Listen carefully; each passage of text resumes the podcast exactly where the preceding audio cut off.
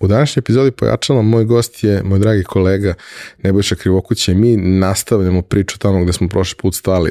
Odnosno, nisam baš siguran ni da je nastavljamo. Pričamo neku drugu priču, ali koja ima poveznice i dodirne tačke sa onom. Pričamo o tome kako muzika, ljubav i posao ovaj život čine takvim da on ima smisla i da ima vrednost. Znam da ovo zvuči mnogo abstraktno i dok budete slušali epizodu možda će vam se činiti da je to o čemu pričamo malo abstraktnije nego što ste navikli. Ali poslušajte, dajte joj šansu jer prilično sam siguran da će na kraju sve da se posluži, da će imati smisla. Uživajte. Realizaciju ove epizode pojačala podržala je kompanija Epson. Epson je već više od 20 godina vodeći svetski proizvođač projektora i štampača za sve namene od onih kućnih do profesionalnih. Posebno vam skrećemo pažnju na aktualnu ponudu Epson Business štampača.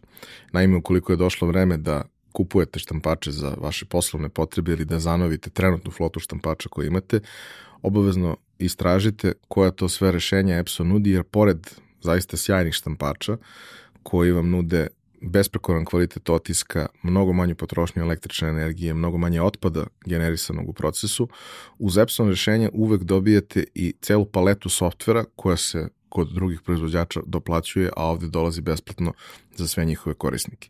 Za više informacija pogledajte businessprint.com, piše se onako kako se izgovara. Hvala vam. I imam još jednu važnu već za vas. Naime, od 1. maja sa krugom prijatelja radim na projektu naša mreža.rs. To je jedno jako zanimljivo mesto za svakog ko je preduzetnik ili razmišlja da to postane. Mesto gde svaki dan izlaze neki interesantni korisni tekstovi, a jednom nedeljno predstavljamo neki zanimljiv mali biznis. Takođe, svakog meseca radimo veliki intervju sa nekim od zanimljivih ljudi sa, sa ovog tržišta, nekim od ljudi koji su lideri u, u onome što rade, pa tako, evo, prvog meseca imamo Slavimira Stojanovića Futra. Uživajte, informišite se i pretplatite se na mailing listu ako su vam teme zanimljive, jer onda će vam svake nedelje stizati digest svega toga svakog ponedeljka na mail. Hvala vam.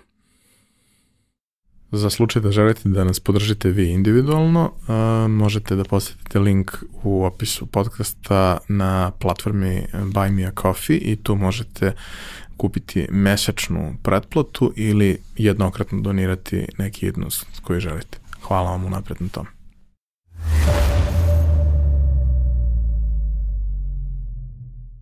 E, dobro, posle intermeca od par nedelja e, raznih drugih tema, da se vratimo na lepe teme. Ovaj, prošli put smo se bavili, da kažemo, tvojom karijerom, razvojnim putem i raznim nekim stvarima koje su to bojile. Nismo se bavili toliko stručnim delom ovog rada u marketingu i nećemo se ni baviti. Priča se ti već o tome. Podržavam, podržavam. Na drugim mestima. Ali smo se bavili tim, ono, podtekstom svega. Ovaj, a i time kako si došao u stvari do toga i čime se baviš i prosto kako izgleda ta razvojni put u neko vreme koje je bilo neobično i nekim okolnostima koje su bile neobične. Ali nismo se, nismo se dovoljno bavili muzikom. Bavili smo se muzikom. Ovaj, ispričali smo i a, priču o tvojoj knjizi, o blogu smo negde ovaj, dotakli podcastu, ali to je samo zagrebalo celu stvar, jer ta tvoja priča traje već jako, jako, jako dugo, a mi smo samo pohvatali one vrhove ovaj, Dobro, koji izbijaju iznad, iznad oblaka. Greatest hits, singlovi.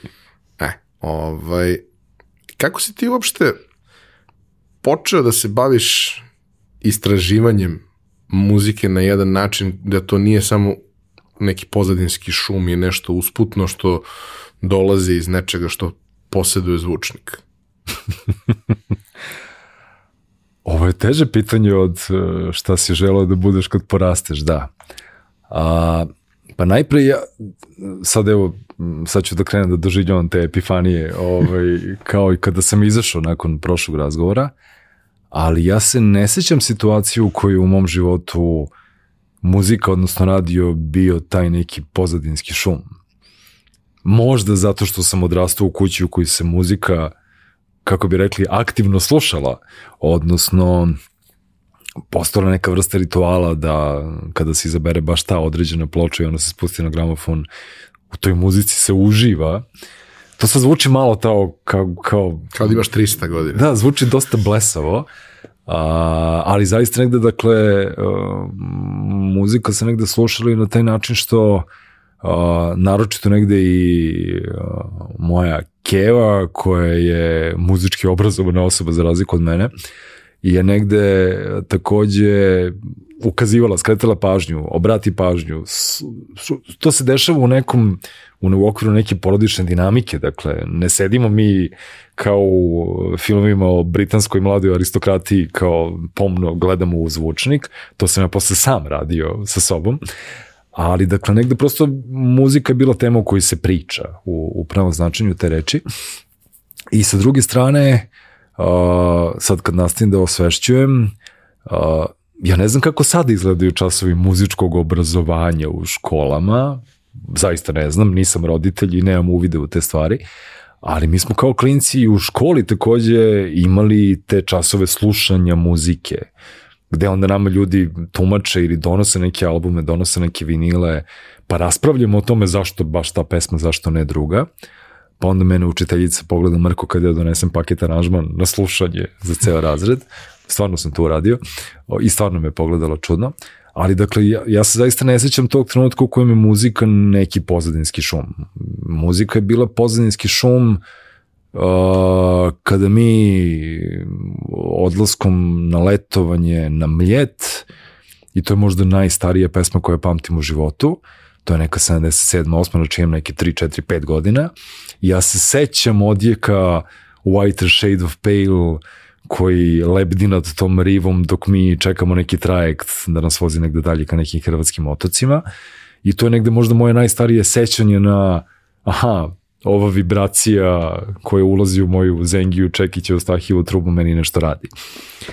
A, od tog momenta ja na neki način kada krenem da slušam nešto ili kada čujem nešto što mi na bilo koji način skrene pažnju, a, ja se posvećujem tom zvuku E, i onda negde da se nadovežem na to, znam da to zvuči sve nenormalno, vidim taj tvoj pogled, ovaj, blago začuđen, ali negde sam tokom vremena postao jako zainteresovan da čujemo dakle to dolazi. Zašto to zvuči tako, ko je to napravio, sa kim ga je pravio, da li ta osoba sa kojom je ta pesma nastala je možda nešto radila sama, pa je to možda nešto zanimljivo. Jer ja negde čitav život sad će ovo zvučiti malo onako možda previše ispoetisano, ali ja čitav život tragam zapravo za nekim pesmama za koje uh, slutim da postoji da su napravljene za mene. Zato što sam tokom godina naučio da određeni broj pesama u određenim tonalitetima ili u određenoj dinamici meni dramatično povećava lučenje endorfina, oksitocina i ja sam srećan. E pa onda negde, to je čista matematika, ako sam našao 50 takvih pesama u životu, moguće je da ih ima još i moja želja je da ih čujem sve. Da bih čuo sve, moram da verovatno preslušam 20.000 da bi našao nekoliko. I to je ta neka potraga koja traje već 40 uh, i nešto više godina. Uh, sad dok sam dolazio i pošto sam naslučivao gde će ovaj razgovor da ide, onda sam takođe shvatio da sam ja jako srećna osoba, jer ja sam odrastao u vreme kada se ti na radiju na dnevnoj bazi nekoliko puta mogu da čuješ niko kao ja.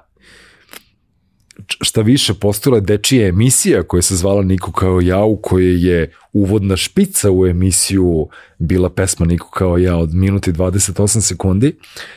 E sad, opet da to negde kontekstualizujemo, uh, ja odrastam u društvu i u državi u kojoj se kolektiv stavlja u prvi plan. Dakle, mi smo negde učeni kao nekakvi pioniri i kasnije omladinci i tako dalje, da je kolektiv ta pokretačka sila čitavog tog društva i da mi neke stvari moramo da zajedno radimo da bi kolektiv išao dalje napred, a onda se pojave neka tri zujana u kadru i nešto viču niko, niko kao ja i nikad i niko kao ja I kako da ti kažem, ti ako i ole ozbiljno poslušaš to što ti ta tri čoveka govori u tih pet, šest reči, a, ti kreneš da pronalaziš neke pokutine u tom svetu u kojem živiš i iste dimenzije pronalaziš neke tunele kako da bežiš dalje. Da, u svakoj poštenoj komunističkoj zemlji to bi bilo zabranjeno, jel? Pa ne znam da li bi bilo zabranjeno, pošto sada retroaktivno mi otkrivamo da u nekim drugim državama koje su živjelo u mnogo gori mnogo gorem a, a, društvenom okruženju ili odnosu prema umetnosti mladih je takođe bilo tih pokotina.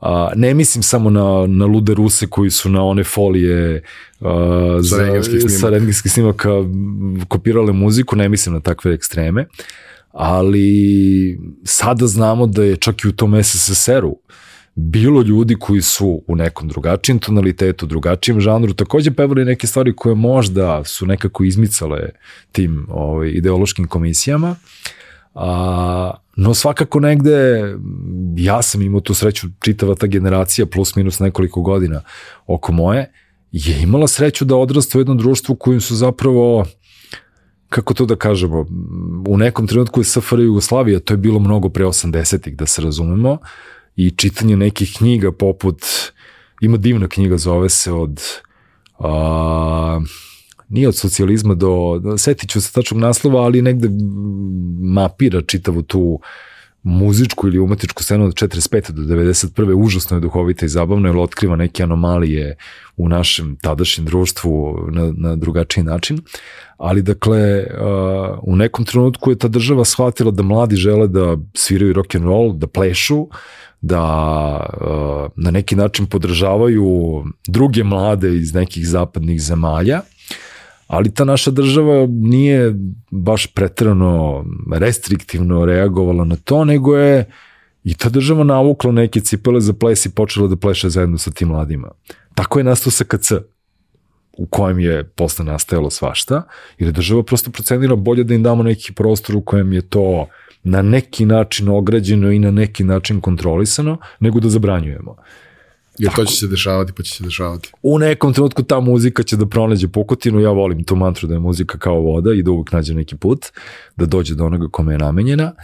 A, na sreću, dakle, ti onda odrastaš u tom društvu gde čuješ niko kao ja na radiju, vidiš neke čudne ljudi, neke čudne spotove na televiziji, ne stalno, jer da osvestimo uh, ako gledaš nedeljno popodne kod Saše Zalepugina, na primer, a, ti gledaš čitavu tu emisiju radujući se što će u nekom trenutku da bude pušten jedan spot. I to može tek na odjevnoj špici, tako da će oni titlovi sa ekipom da idu preko slike, ali ok, i to je neka nagrada zbog koje se ti nalaziš ispred televizora. A, možda i zbog te nedostupnosti svih silnih muzika sam ja dodatno bio veoma rešen da pronađem neke stvari. Jer ajde osvestim, osim nekoliko albuma i to kasnih 80-ih, do nas je muzika stizala sa nekoliko meseci zakašnjenja ili godina. I to ti onda dodatno raspaljuje čežnju da tragaš za neke stvarima, tražiš neke šuštave presnimke, moliš neke starije komšije, da li možda neko ima, ja bih to jako volao da čujem. Sve to te definiše. Ne, ja se sećam, ovaj, razgovora sa Ćaletom, uh, jer smo imali tu, tu, taj običaj da popravljamo stvari. Mislim, on da popravlja, ja da mu dodajem i smetam i da pitam gomilu pitanja, ali to su bili najlepši trenuci, ono, Jasno. kraj 80-ih sve. I Ćale imao um, neverovatnu ljubav prema starim radio prijemnicima. Mm -hmm. Onim sa velikom staklenom pločom na kojoj je istrtano sve ono, jer je bilo jako komplikovano. Jasno. Znači ti si na različitim talasnim dužinama, na različitim mestima, imao različite jeste, jeste, radio jeste. stanice i sve. I sećam se sad ono, ne znam, on je kupio dedi mali neki tranzistor na baterije, jer u, u selu nije bilo struje i bilo je bitno da deda ima radio na baterije da možda čuje vesti i sve ostalo, to je najvažnije bilo dedi. Ovaj, I sad taj mali tranzistor je imao ono, ne znam, dva zvučnika i to sve, imao je malo onu skalicu mm -hmm, i na njoj je samo mm -hmm. FM. Jeste. Od 97 ovde... do 107,0 i to e, je to. A na ovim velikim ima 3, 4, odnosno 3, jeli, suštinski kratki, uh, srednji, srednji, dugi, dugi da. i da li ima ultra dugi, ne znam, mm -hmm. ni važno, ali kao imaš nekoliko toga i sad na svakom od tih, u svakoj liniji imao nacrtano nešto i sad uglavnom je bilo podeljeno po gradovima. Jest, jest. sad, po- Radio Luksemburg, jebi ga, ja nisam mogu da čujem Radio Luksemburg, okay, čini mi se da sam promašio za jedno 40 godina, ovaj, ali bilo je svih tih nekih gradova, ja sam tako naučio kako se gradovi kažu na tim jezicima, kako se pišu. Predivno, okej. Znaš, potpuno okej, ono, okej. kao, naravno da nije bilo radio naše proizvodnje, nego je bio neki. Oni su bili u onim kućištima ili od punog drveta, ili od onog nekog drveta koje je onda uh, tapacirano. Jeste i bio ovaj, tapaciranog preko zvučnika. Znači sve to je kao, naravno to je dotrajalo i sve sad mi to Aha. čistimo, sređujemo, neke stvari menjaju se, neke stvari se sređuju dodatno. Deo tih stvari je bio i onim ovaj, časopisima sam svoj majstor kao neka Bože. samogradnja i sve to, jel? Ali taj moment da ti kao Ćale, a, ovaj, a mislim, šta su ove ostale skale? I onda on meni objašnjava i objašnjava mi talase i sve to. I ti zapravo skapiraš e, što, recimo, ja sam dosta godina kasnije to imao prilike da zapravo i čujem, da su neke stvari funkcionisale, ali je bio problem što recimo neki od tih stvari ne možeš baš da čuješ u, u gradu zato što je previše, preveliki je šum u etru. Mhm. Ali tu na selu gde nema radioprijemnika, Wi-Fi-eva, svega toga, Ometanja i tako dalje. ti zapravo sve te duge talase nahvataš i sad ne čuje se to savršeno, ali ti možeš da čuješ taj neki radio na nekom čudnom jeziku od negde i onda skapiraš da kao to što ljudi pričaju da su oni tako hvatali, ne znam, pa slušali sa nekog radija od negde, hvatali pesme, negde pokušavali nešto od toga i da snime na onim ono, kasetašima i slično, kao, brate, to, to je stvarno funkcionisano, to kao Da, naučna da, fantastika, da, da, to je, da, to je da. funkcionisano. Sad taj snimak koji si ti snimio sa radija, taj zvuk nije onakav kakav bi trebao da bude, ali ti bolji nemaš. To ti ti bolje što ti- nemaš, odnosno, ajde da približimo to uh, mlađim generacijama, pa to je negde kao kada ti sad uporediš uh, zvuk, mada današnje generacije više ne koriste tu ekstenziju, to je kao real audio da si, Mm. To je bilo to. Mislim, Real Player je generalno jedno od najgorih. Da, ali real audio ima stvari. tu specifičnu ovaj, bitažu zvuka koja zvuči kao tranzistor koji je upravo upao u kadu pune vode, dakle ništa se ne razume.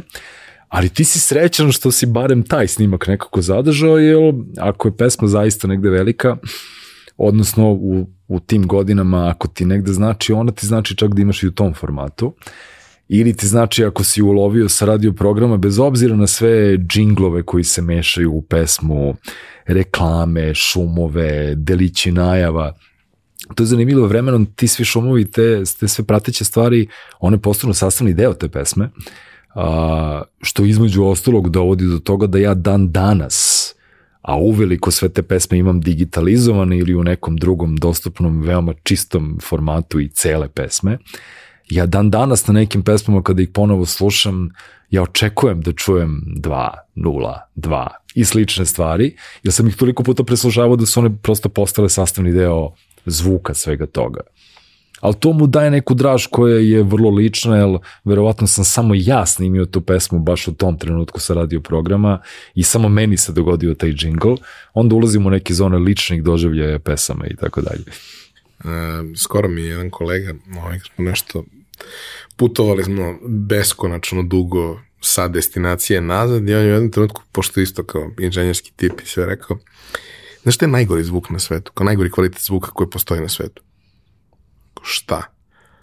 Ono kad se pilot obrati u avionu. Jer kao, ne postoji gore. Znači, Aha. nikada ne razumeš ništa šta je rekao.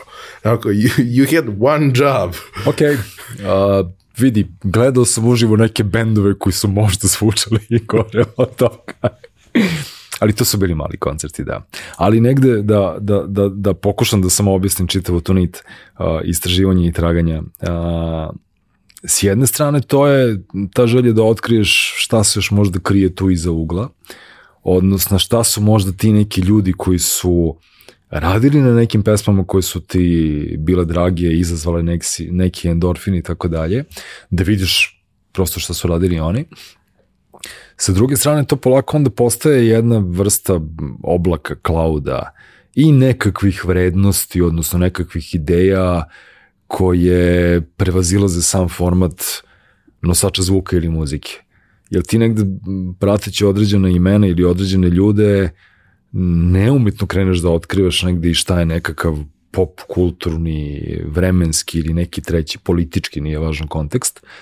Odnosno, mm, mislim da smo prošli put pričali o Boviju, pa nećemo ponovo, ali a, zahvaljujući slušanju Davida Burna, odnosno, i to čak njegovih solo albuma, ne Talking Headsa u kojima je on jeli, zvanično počeo, ja sam prvi put čuo za Roberta Wilsona o kojem sam posle mnogo toga više saznao na samom fakultetu, odnosno ili u pitanju ipak reditelji čovek koji je redefinisao teatar, ali sam čuo za Roberta Wilsona zato što je bila neka priča da su David Byrne i Robert Wilson zajednički radili nekakav potencijalni event, što bi sada rekli, a, za otvaranje olimpijskih igara u Los Angelesu 84. I isti je a, imao biti zabranjenim, odnosno nije nikada bio prikazan široj publici, zato što neko tamo je procenio da možda David Byrne i, i Robert Wilson nisu pravi ljudi za event otvarajućih ovaj, olimpijskih igara. I onda bukvalno korak po korak, ti kreneš da kreiraš jedan univerzum nekakvih ljudi, ideja, misli, vrednosti, koji je vrlo tvoj. I ti si došao do nekih odgovora i nekih termina i nekih stvari uglavnom samostalno ili prateći neke vrlo nejasne putokaze ili slušajući starije komšiju ili drugara iz bloka koji ti kaže zato što je malo stariji pa zna više. Skreni ti bukvalno pažnju kao preslušaj ovo i sve će ti biti jasno ja da u toj potrazi ne uživam svih ovih godine, ja se time sigurno ne bi bavio. Ali ja uživam i dalje. Um, ja se sećam... Doktora imali rešenje. ja se sećam perioda u kome je glavna stvar bila imati ovaj dvokasetaš zato što si mogao da ako prelepiš ono što je slomljeno na apsolutno, kaseti apsolutno. da otključaš to da iskopiraš, je li? Ovaj, sadržaj kasete nekome ko, ko želi da ima svoj primjerak. Ali zapravo taj deo, to je samo repliciranje i suštinski nema tu nikakvog ličnog pečata niti bilo čega, ali ono što, što jeste bilo sjajno i što posle ono 10-15 godina kasnije sam ponovo proživeo kroz High Fidelity. Naravno, jeli? naravno. To je taj trenutak kad ti praviš svoju kasetu za sebe. Ili za, neko, ili za, nekog ili za drugog. neku priliku. Ali to je sad proces alhemije gde ti treba da napraviš nešto što ima smisla. Što ako nemaš sluha kao ja, ide malo teže. Mislim, meni su sve pojedinačne stvari dragi, ali taj miks je Aha, dosta okay, okay, loš. Okay, ovaj, okay. Znaš, kao š, sa šljunkom se ne pravi torta, koliko god da si uporan. Ovaj, ali naravno bilo ljudi koji su u tome bili fantastični i ja se sećam toga da ne znam, moj ujak je imao neke tako kasete koje su bile, ne znam, greatest hits te godine, okay, okay, koje su mu pravili okay. prijatelji, koje sam ja kopirao, zato što je to bio miks svega što ja želim da imam i odatle, kažem, krenuo dalje. I kao, znaš, sad to sve deluje, to je jedan klik da napraviš svoju playlistu, a suštinski, ako si odslušao jedno 100 različitih pesama, software će napraviti bolju playlistu nego što ćeš ti da napraviš ikad. To je veliko pitanje. Dobro, Pričat za neko kao što si ti ne, ali za kao prosečnu osobu mm -hmm, je relativno mm -hmm. prosto. Ovaj, uh, I sad kao, čini mi se da smo mnogo više cijenili stvari kad smo morali malo ipak da se potrudimo da dođemo do njih. Uh, to, je, to je u svakom, kako kažu, domenu ljudske delatnosti. Uh, Mislim, da, apsolutno se slažem, jer negde uh, ulaganje vremena, para, džeparca, odricanje od užine da bi nešto sebi kupio, a, vreme koje provodiš između ostalog i slušajući te pesme sa nekom maglovitom idejom da bi radio, pravio neki mixtape sebi ili nekom drugom, a, nema tog algoritma ili streaming servisa koji prosto može da na taj način negde utiče na nas da mi krenemo da tu muziku kodiramo i da razumemo drugačije. Nije, nije slučajno da se vratimo na High Fidelity, ima tamo negde na pola filma ona mala propoved njegova kako se pravi mixtape i kakva mora da bude prva pesma i šta dolazi nakon prve pesme. A, u svo moje poštovanje al algoritmima i, i streaming servisima kada, kada ih slušaš u tom nekom modu, uh, a, postoje neke stvari koje su ipak algoritmima neuhvatljive. Između ostalog, ti kad kreneš da razmišljaš o tom mixtape-u i povezivanju nekih pesama, ima pesama koje se izuzetno razlikuju po BPM-u, a, po tome na a, čijim listama su najslušaniji, pa da mašina pretpostavi da bi to možda i tebi bilo zanimljivo, a koje zapravo govore o istoj stvari na potpuno identičan način, ali je jedna možda snimljena 63. a druga 2022. Algoritam će teško doći do tih nekih spojnica koje su skrivene u značenju reči, u tome uh, da li je ta pesma možda inspirisana istom knjigom ili istom pričom, ima algoritam da uči još dosta. Vidi, samo ga treba fidovati ovaj, podacima. Ali postoji još jedan faktor koji se ono koji ne uzimamo dovoljno često u obzir. A, taj faktor može da se pojavi i kroz druge pojavne oblike, ne samo kroz pesmu, kroz muziku. Ja imam te momente da u tim periodima kada uveče vozim sam ili u društvu za svoju dušu i slušam muziku, ja vozim po raznim mestima u Beogradu da bi napravio, ne znam, 100 km po gradu kad nema gužve, tih sat i po dva. Dobro. Ti možda prođeš manje više svuda. I ja ne ponavljam rute, Mm -hmm. ali imam neke tačke koje prolazim. Mm -hmm. Bez obzira da li su mi usput, ja ih ipak prođem. Dobro. To su neke tačke u životu koje su mi bile bitne. Da li je, ne znam, neću svaki put proći kroz isto, ali ne znam, stanovi u kojima smo živeli kao podstanari, ćoškovi nekih ulica, osnovna srednja škola, neka zaljubljivanja, neke tuče, neke scene. I na isti način kao što postoji prostorno ta stvar kroz koju kada ja prođem kroz tu tačku desi se nešto mm -hmm, što mm -hmm, mm -hmm, ne može da se opiše ovaj, ne može da se opiše ni na koji drugi način osim da neko baš uradi ozbiljnu biohemiju okay. ovaj, na isti način uh, postoje pesme koje te vrate na, na neka mesta na neka neka osjećanja u neko društvo S tim što kod mene, i pričao sam sa dosta ljudi, uh, signal koji najjače trigeruje te stvari je miris. Da, da, da, ok. Zato što okay. onog trenutka kad osjetiš taj neki miris, ti ne možeš više da gledaš. Znači ti moraš da zažmuriš, upiješ sve, bude ti kapacitet pluća četiri puta veći nego što je inače, stane ti srce na 15 sekundi I onda kada otvoriš oči čini ti se da se sve usporilo. Mm -hmm, drastično. Mm -hmm, mm -hmm. Ali ne možeš da utičeš na to kad ćeš da naletiš na miris. Upravo sam teo da ti kažem, čak i ako pričamo o Beogradu, A, da, miris i Beograd nisu dobra kombinacija. Ne samo što nisu dobra kombinacija, nego mnogi delovi grada više uopšte ne mirišu kao što su nekada mirisali, odnosno to smo malo u nedostatku, pa onda nam zapravo ostane samo muzika. Muziku možeš ti da prvo možeš mnogo lakše češće da naletiš, mm -hmm. A drugo možeš ti da pustiš to kada želiš da trigiraš, pa ono i kad si tužan pa slušaš ovo, ovo što je užasno depresivno, ovaj, ali možeš i da pustiš tako neku stvar da izazoveš sebi neku pozitivnu emociju, mislim, u nekim situacijama nije to samo radost, u nekim situacijama je to ono hrabrenje pred sastanak ili šta god, ovaj, sve te neke stvari, a, a za miris je to uvek varijanta mislim i ukus, ali, ali uvek je varijanta da ga na najneočekivanijim mestima negde slučajno sretneš, neko prođe i zamiriše onaj, uh, ne znam, uh, šećer u prahu sa krofne okay, da, da, da, iz, da, da, da, da, ono, da. slovenske plaže iz Budve i u moje glavi u tom trenutku kreće da peva Eros Ramazzotti, jer ja sam počeo da slušam Erosa tako što okay, na slovenskoj okay, plaži su svi okay. kafići trovali Aha. njime.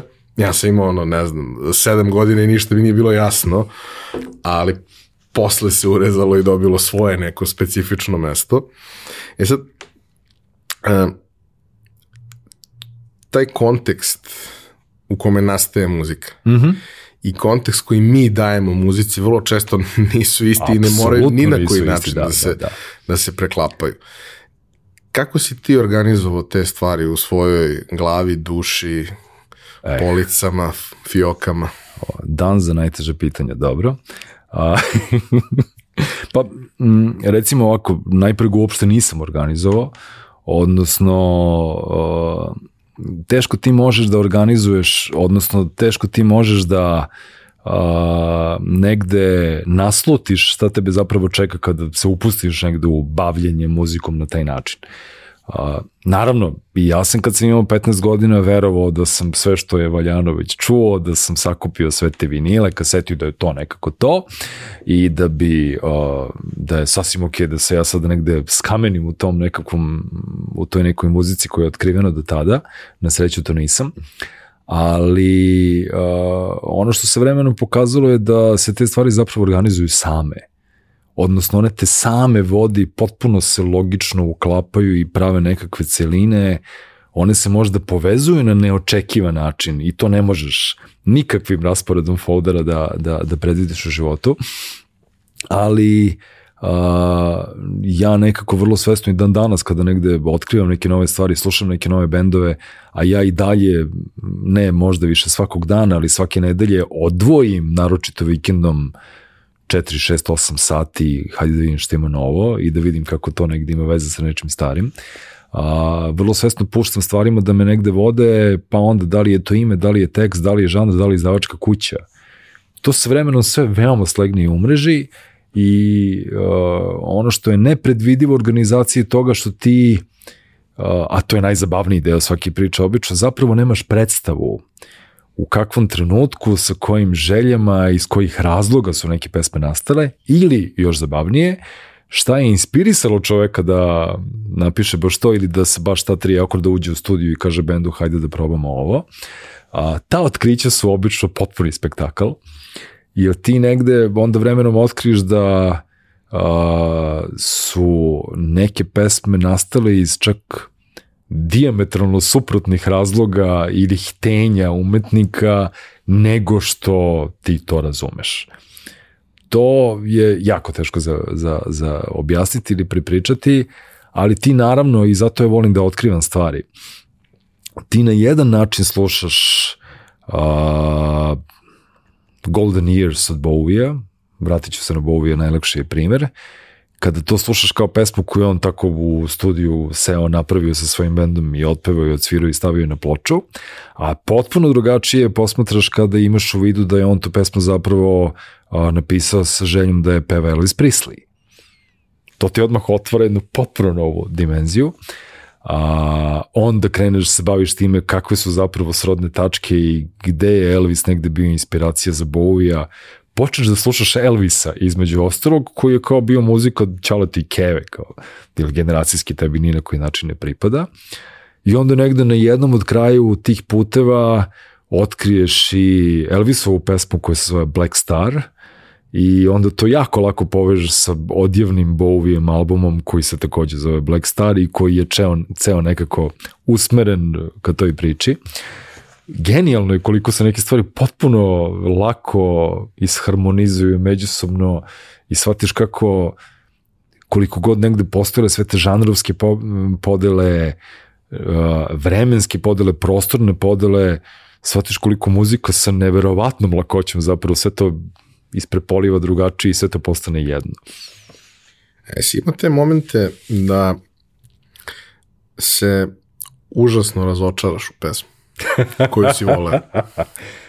A, pa mislim da ne, ne.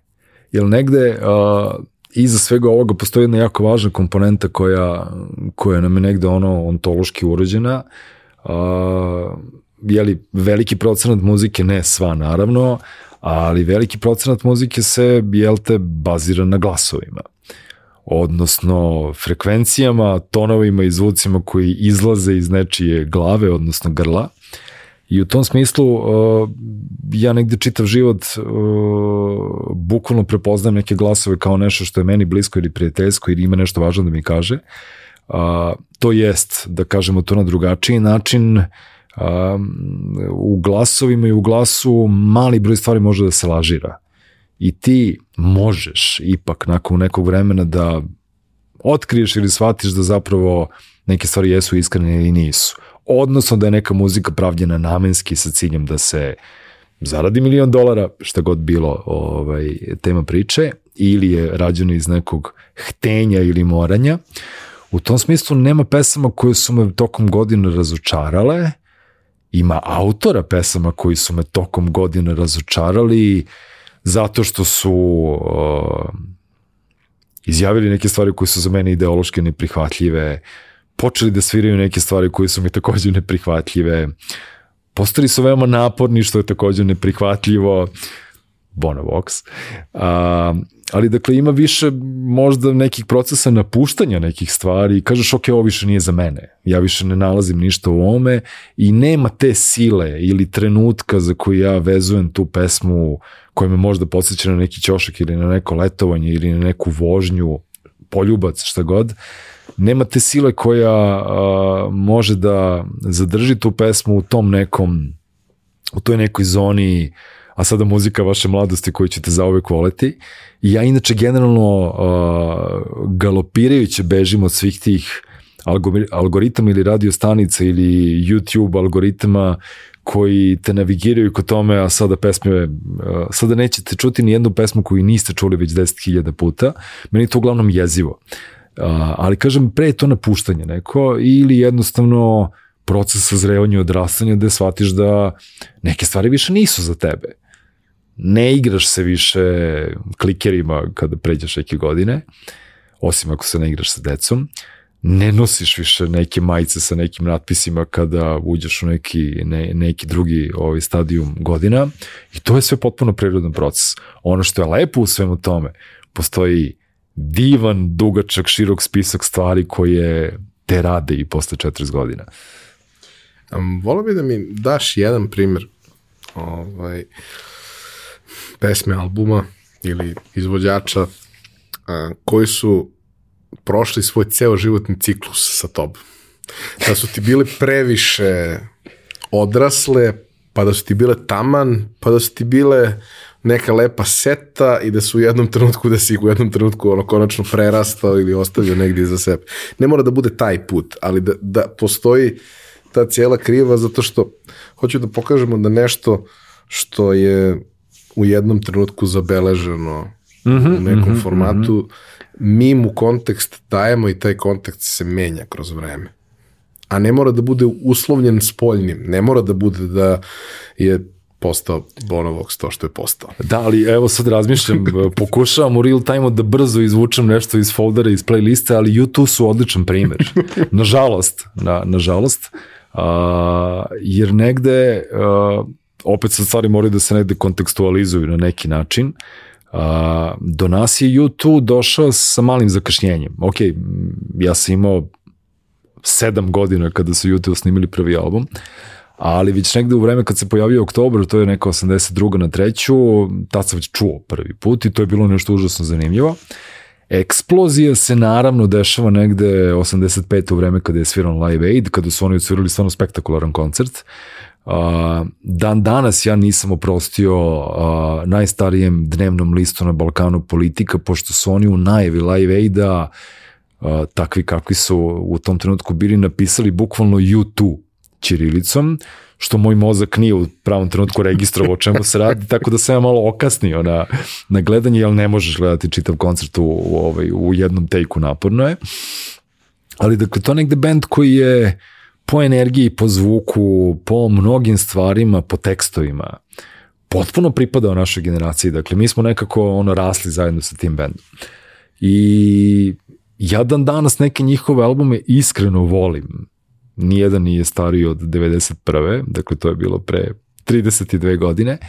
A, odnosno ja u tim albumima i dalje nalazim neku vrstu ljubavi ili iste vibracije ili razumevanja. Uh, ali nekako sve što se događalo sa tim čovekom ili, ili sa tim bendom, čak više misli sa njim nego sa čitavim bendom, je vremenom činilo da se mi ozbiljno udaljavamo jedni od drugih, što je potpuno takođe prirodan proces, Tako da se meni dan danas dogodi da je recimo Actung Baby je poslednji njihov veliki album koji ja zaista volim da slušam dan danas, možda više zbog Briana Ina kao producenta i zbog toga što je Edge na tom albumu otkrio neke spektakularne nove sprave, pa njegova gitara zvuči i dalje vanzemaljski.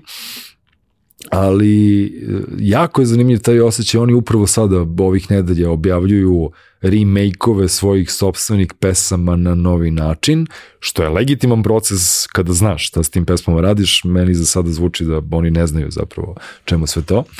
A, jako čudan osjećaj kada neko koga si jako voleo, čiji su ti tekstovi zaista značili, kojeg si želeo da gledaš i uživo, samo što tad bilo to apsolutno nemoguće, jer u vreme njihove najveće slave mi baš nismo mogli da putujemo naokolo.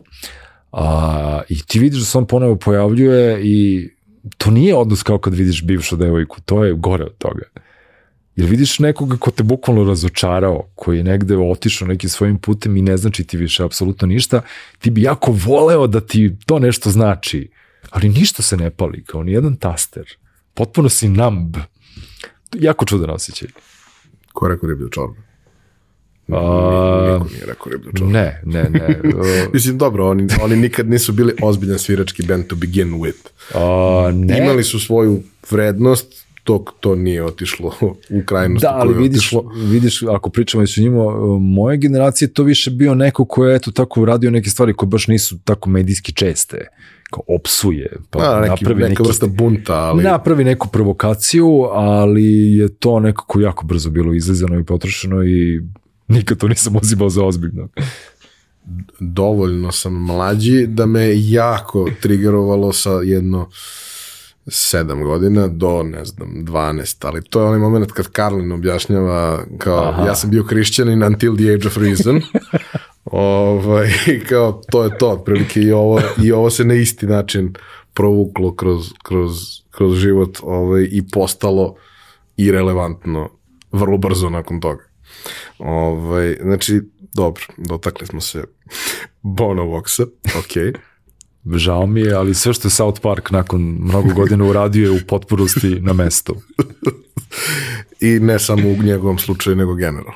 Ovaj, a, kaži mi, taj period ulaženja u kontekst, znači, pominjali smo prošli put o, a, nabavljanje magazina, nabavljanje specijala, čitanje svega što postoji, ali količina toga je vrlo Ograničen. ograničena, skromna i ne možeš, ono, i kad neko donese iz inostranstva, on donese jednom u godinu dana nešto, pa ti sad imaš da čitaš dok se ne izliže, ali to je otprilike to. Ja se sećam tog, tog perioda, znači, ja sam ja mlađi, ali sećam se ja prilično lepo tog perioda i sećam se isto tako perioda, ne znam, 98. 9. kada sam počeo da koristim internet, kao nije bio baš, mislim 96 sam počeo, kao da, da sam mogao da koristim nešto ozbiljnije, to je to, 99. Ok, ok, ok. 2001.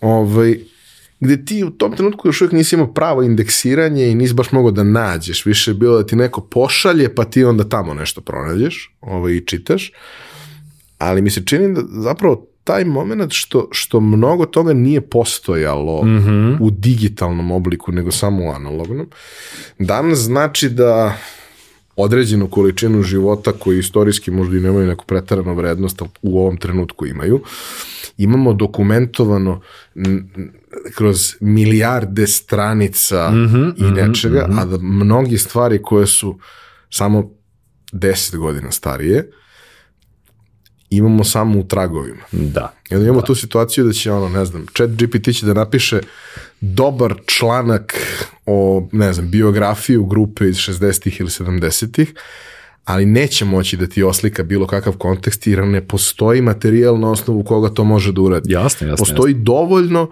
da može da ti napiše ono short Za bio neku za osnovnu nešto. informaciju, da. ali da, bilo šta više od toga i sada ako hoćeš da radiš i sada ako hoćeš da, da nešto po tom pitanju istražuješ i dalje podrazumeva da ti odeš u biblioteku, da, Da. odeš u arhive Da. nekih Da. novina i da pričaš sa ljudima koji su to proživjeli i doživjeli dok su još uvek tu. A, ima tu detalj koji je užasno važan zapravo negde i čak negde izlazi iz te zone magazinskog, odnosno onoga što se moglo čitati i tragati. A, vratit ćemo se bar na kratko još ponovo na to, postoje taj radio. Odnosno, koliko negde televizija je bila u vrlo ograničenim formatima gde si ti mogao da čuješ neke stvari, a i tamo baš nisi mogao da vidiš dva čoveka koji sede sad kao nas dvojice i na te nane razglabaju šta i zašto je značajan novi album Davida Silvijana ili Tomasa Dolbija, nije važno koga, već su to bilo onda samo kratke najave spotova. A, radio je negde bio taj medij koji je imao dovoljno vremena i prostora i bez obrazluka da negde malo, da kažemo, direktnije intrigira naša čula i srce i glave. A, I u tom smislu to je prosto jedna, jedna sila koja mora biti spomenuta. Ti si, na primjer, na radu imao Slobu Konjovića. Odnosno čoveka koji je spektakularno spretno vladao svim stvarima koje ti zapravo bi trebalo da čuješ u životu, ako si negde sklon toj vrsti muzike, pričemu Slobe je bio dosta šarenolik. Svašta se moglo čuti i u diskomeru, i u vibracijama, i u paradi albuma.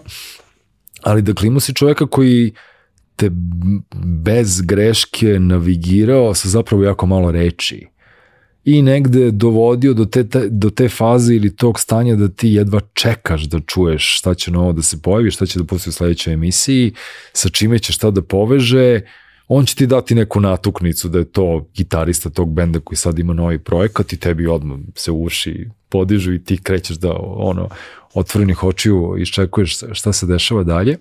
I sa druge strane, taj radio je takođe bio medij koji je ipak bio dostupniji mnogim muzičarima koji su odavde počinjali svoje karijere, a, odnosno bilo je potpuno legitimno da ti na diskomeru studija B nedeljom tamo negde u vreme ručka čuješ prve snimke Rex Iluzivije, odnosno Mitra Subotića Sube i to je bio regularan radijski program. A, ti neki ljudi nisu imali, nisu im možda bili dostupni TV kanali, jer snimanje spotova je od uvek, pa i sada, jedna kompleksna radnja koja zahteva više ljudi i više novca, ali na radiju si prosto mogu da čuješ neka silna čuda koje su negde sa neke ivice undergrounda kretale da se pojavljuju u medijskom prostoru. I tako smo mi otkrivali silno neka imena neke domaće scene, Ja sam Dudua u životu prvi put čuo takođe kod Slobi Konjovića, Škripac sam prvi put čuo takođe kod Slobi Konjovića. Dakle, imao si te neki radio na kojem su postojali neki ljudi koji su bili zaista vodiči u pravom značenju te reči. Ono što i danas negde nedostaje u tom okeanu da, svih mogućih muzika ikada snimljenih, jer veliki procenat toga ipak sačuvan, tebi zapravo nedostaje vodič. Odnosno neko ko će prosto da ti skrati neki putanja da te lakše usmeri, da ti kaže u ovom arhipelagu postoje neke stvari koje su tebi zanimljive, a ukoliko budeš nastavio da ploviš onom pravcu, možda voda bude preduboka, pa probaj da skreneš ovde.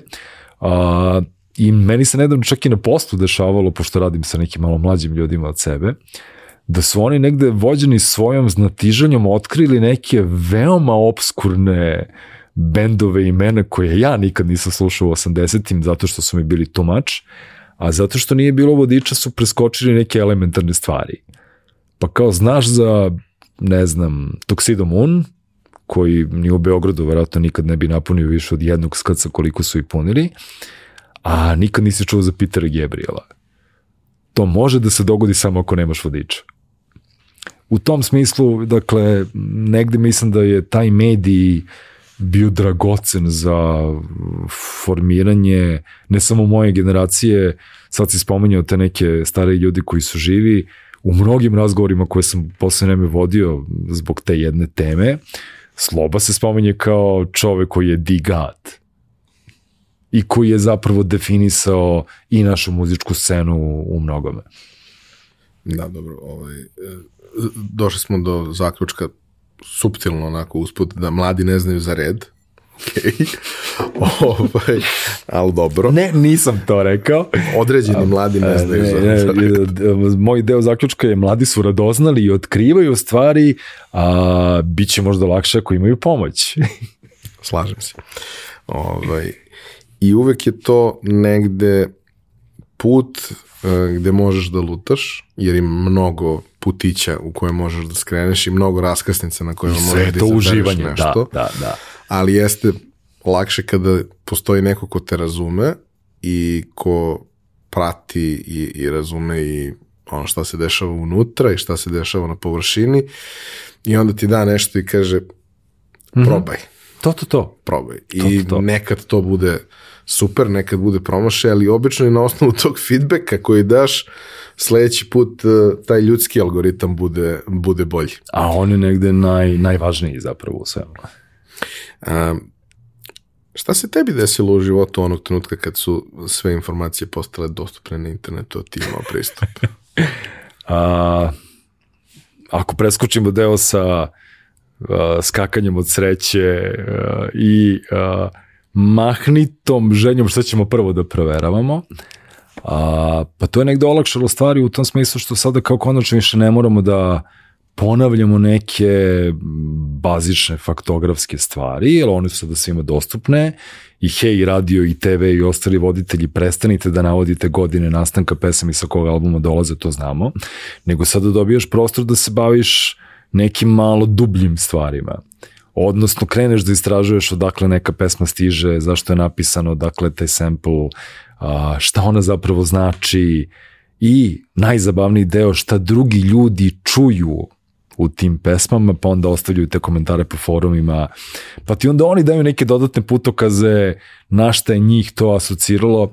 Zapravo negde, uh, meni je negde dan danas najzabavnije da čitam refleksije, odnosno komentare drugih ljudi na ono što se i meni dopada. S jedne strane kao, budite lakše znaš da nisi usamljeni ludak. Mada ima nekih snimaka po YouTube-u koji su ono kao za 10 godina zabeležili 500 klikova, a tebi su te pesme jako drage. Ali prosto negde shvatiš to da nisi sam. Sa druge strane, uh, onda shvatiš i kreneš da se baviš tim nekim čudnim silama i sadržajima koji su te ljude doveli do te iste stvari, pa to nekada film, nekada je knjiga, nekada nešto treće, ali zapravo kreneš da se umrežavaš sa na neke razne načine sa ljudima koji su ti bliski po nekom senzibilitetu. U tom smislu negde je, sam ja bio jako srećan i kada se blog kao format pojavio, jer su tu u nekom dosta kratkom roku pojavio još, neko, još neki mali broj uh, zaverenika koji su čak, i, čak se sa nekim uopšte nisam slagao oko neke stvari, ali smo obožavali da razmenjujemo misli. Šta ko vidi u tome i zašto je tvoja vizura pogrešna? A, ali kreneš da se povezuješ sa ljudima dakle, koji imaju negde slične afinitete i koji ti dalje otkrivaju neke nove stvari koje su tebi naravno promakle, jer svašta ti u životu promakne. A, I na koncu svega koristiš onda taj internet za deljenje muzike sa drugim ljudima i za povezivanje sa autorima tih pesama. Ja nemam problem da ljudima koji su mi važni i za koji imam pitanje da im pošaljem to pitanje. Često kad se prisjećamo tog, tog momenta, ovaj, kad su forumi postali mainstream, mislim u mom životu to ima malo veće A, razumem, razumem kod potpuno, drugih, da, da, jel? da, da, da. Ovaj, ono što je tu bilo neverovatno je što smo se svi povezivali na osnovu interesovanja. Sa, sa društvenim mrežama ima mnogo magije, ima mnogo divnih stvari, pratiš živote ljudi koji bi u drugim okolnostima potpuno izgubio. Ne znam šta se dešava sa ljudima iz tvoje osnovne. Sad znaš kad su dobili decu, venčali se, traže posao, doživjeli su neki uspeh, šta god. Sve, sve te stvari koje ovaj, ljudi dele na mrežama, ovaj, koje izazivaju ovakve ili onakve reakcije. Dobro, to mi i služe. Evo. Ali ti, ono, tebe poznanstvo stvara, to je mreža, mreža na osnovu poznanstava, ono kao e, dubljih ili plićih, ali vi se svi međusobno znate, ali to je u 99% slučajeva izuzetno površan mm -hmm, nekakav mm -hmm, odnos. Mm -hmm.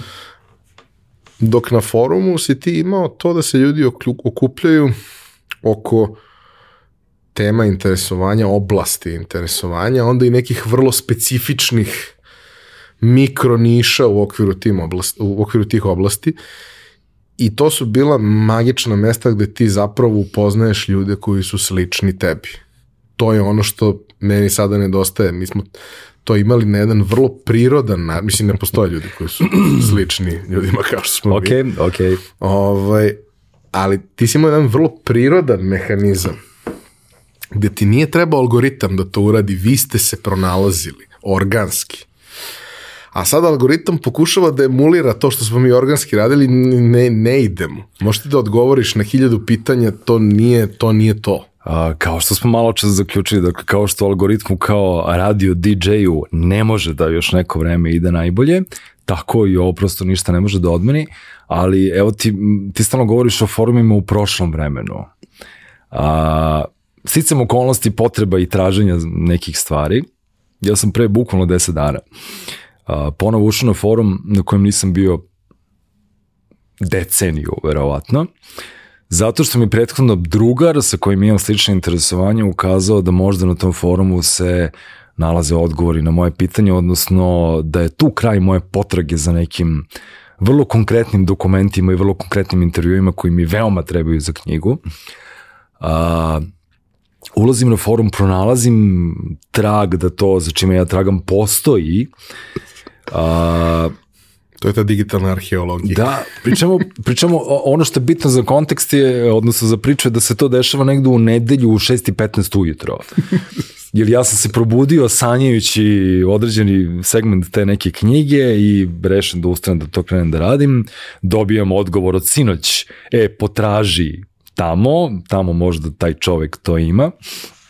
Ja, čitajući njegove objave, shvatam da on to poseduje, u 6 i 19 ja čoveku koga apsolutno ne znam, ništa ne znam o njemu, ni odakle je, ni ko je, ni koliko ima godina, kog je pola, znam ništa ne znam, znam samo nickname. Ja šaljem u 6 i 19 poruku, dobro jutro, ja se izvinjavam, mi se ne poznajemo, ali meni deluje da vi imate neki deo arhive koji meni veoma nedostaje i svaka informacija mi je apsolutno dobrodošla i rado ću uzvratiti ukoliko u vašoj arhivi nešto nedostaje onim što ja imam, pa tako ćemo negde biti namireni obe strane. U slagaću te 6.23 čovek mi, osoba mi šalje, kaže, evo ti sve u PDF-u, ne skenirano, nego transkribovano. Ta nepoznata osoba je meni uštedila jedno 15 dana života, jer neki deo te arhive koji sam sad dobio od njega sam, me je mene čekao da bude digitalizovan na neke razne kung fu načine. Znači, skratio mi 15 dana života. A, podjednako važno, otkrio mi da nisam jedini ludak koji pokušava da digitalizuje i da pronađe tragove nekih tekstova za koje imamo neku naznaku da su nekada negde objavljeni. A, I što je još lepše, ja sam krenuo u celu tu potragu ka toj arhivi i ka tom traženju sa vrlo jasnim ciljem pisanja određene knjige koju želim da završim, a ta druga osoba je ovo uradila zato što je smatrala da bi to trebalo da bude urađeno i da je dobro da na planeti Zemlji postoji a, digitalni zapis određenih intervjua i izjava nekih ljudi i a, taj entuzijazam i, i, i te mogućnosti koje nama mreža daje. Ja sam evo tog jutra, to je bukvalno bilo prošlog vikenda, sam doživeo taj, to dobijanje tog fajla i tu komunikaciju, a, pa ništa ne može da odmeni ljudski kontakt i onoga što nam mreža kao takva omogućava. Na taj moment gde ste vi suštinski, ono, ukoliko je to na srpskom ili ovom nekom jeziku naših ovaj, o, o, okruženja, mm -hmm, mm -hmm to je relativno mali broj ljudi, informacije i svega, ali opet pričamo o, ne znam, 20 miliona nekih ljudi. Nečeg. Da, da, da. Neko ti tražiš nešto na engleskom, što je najčudnije na svetu, postoji vrlo, da si najčudniji na svetu, postoji još hiljada ljudi kao što si ti, upravo, bez ikakvih problema. Upravo, upravo, upravo. I to je magija. To je u upravo. suštini ono što, što stvarno pravi neku, neku neverovatnu razliku koja, ono, pre je bilo nemoguće da se desi Znam, znam. A sad je jedan klik daleko ako znaš gde da klikneš. Ako znaš gde da tražiš i ako znaš koga da pitaš, ali opet pitaš neke ljude da bi dobio ono što ti je potrebno. Um, vrtimo se oko knjige, neću da otkrivaš previše o tome, ali ovaj, uh, uzeo si na sebe jedan zadatak koji je izuzetno kompleksan zadatak sa, sa ogromnom dozom odgovornosti.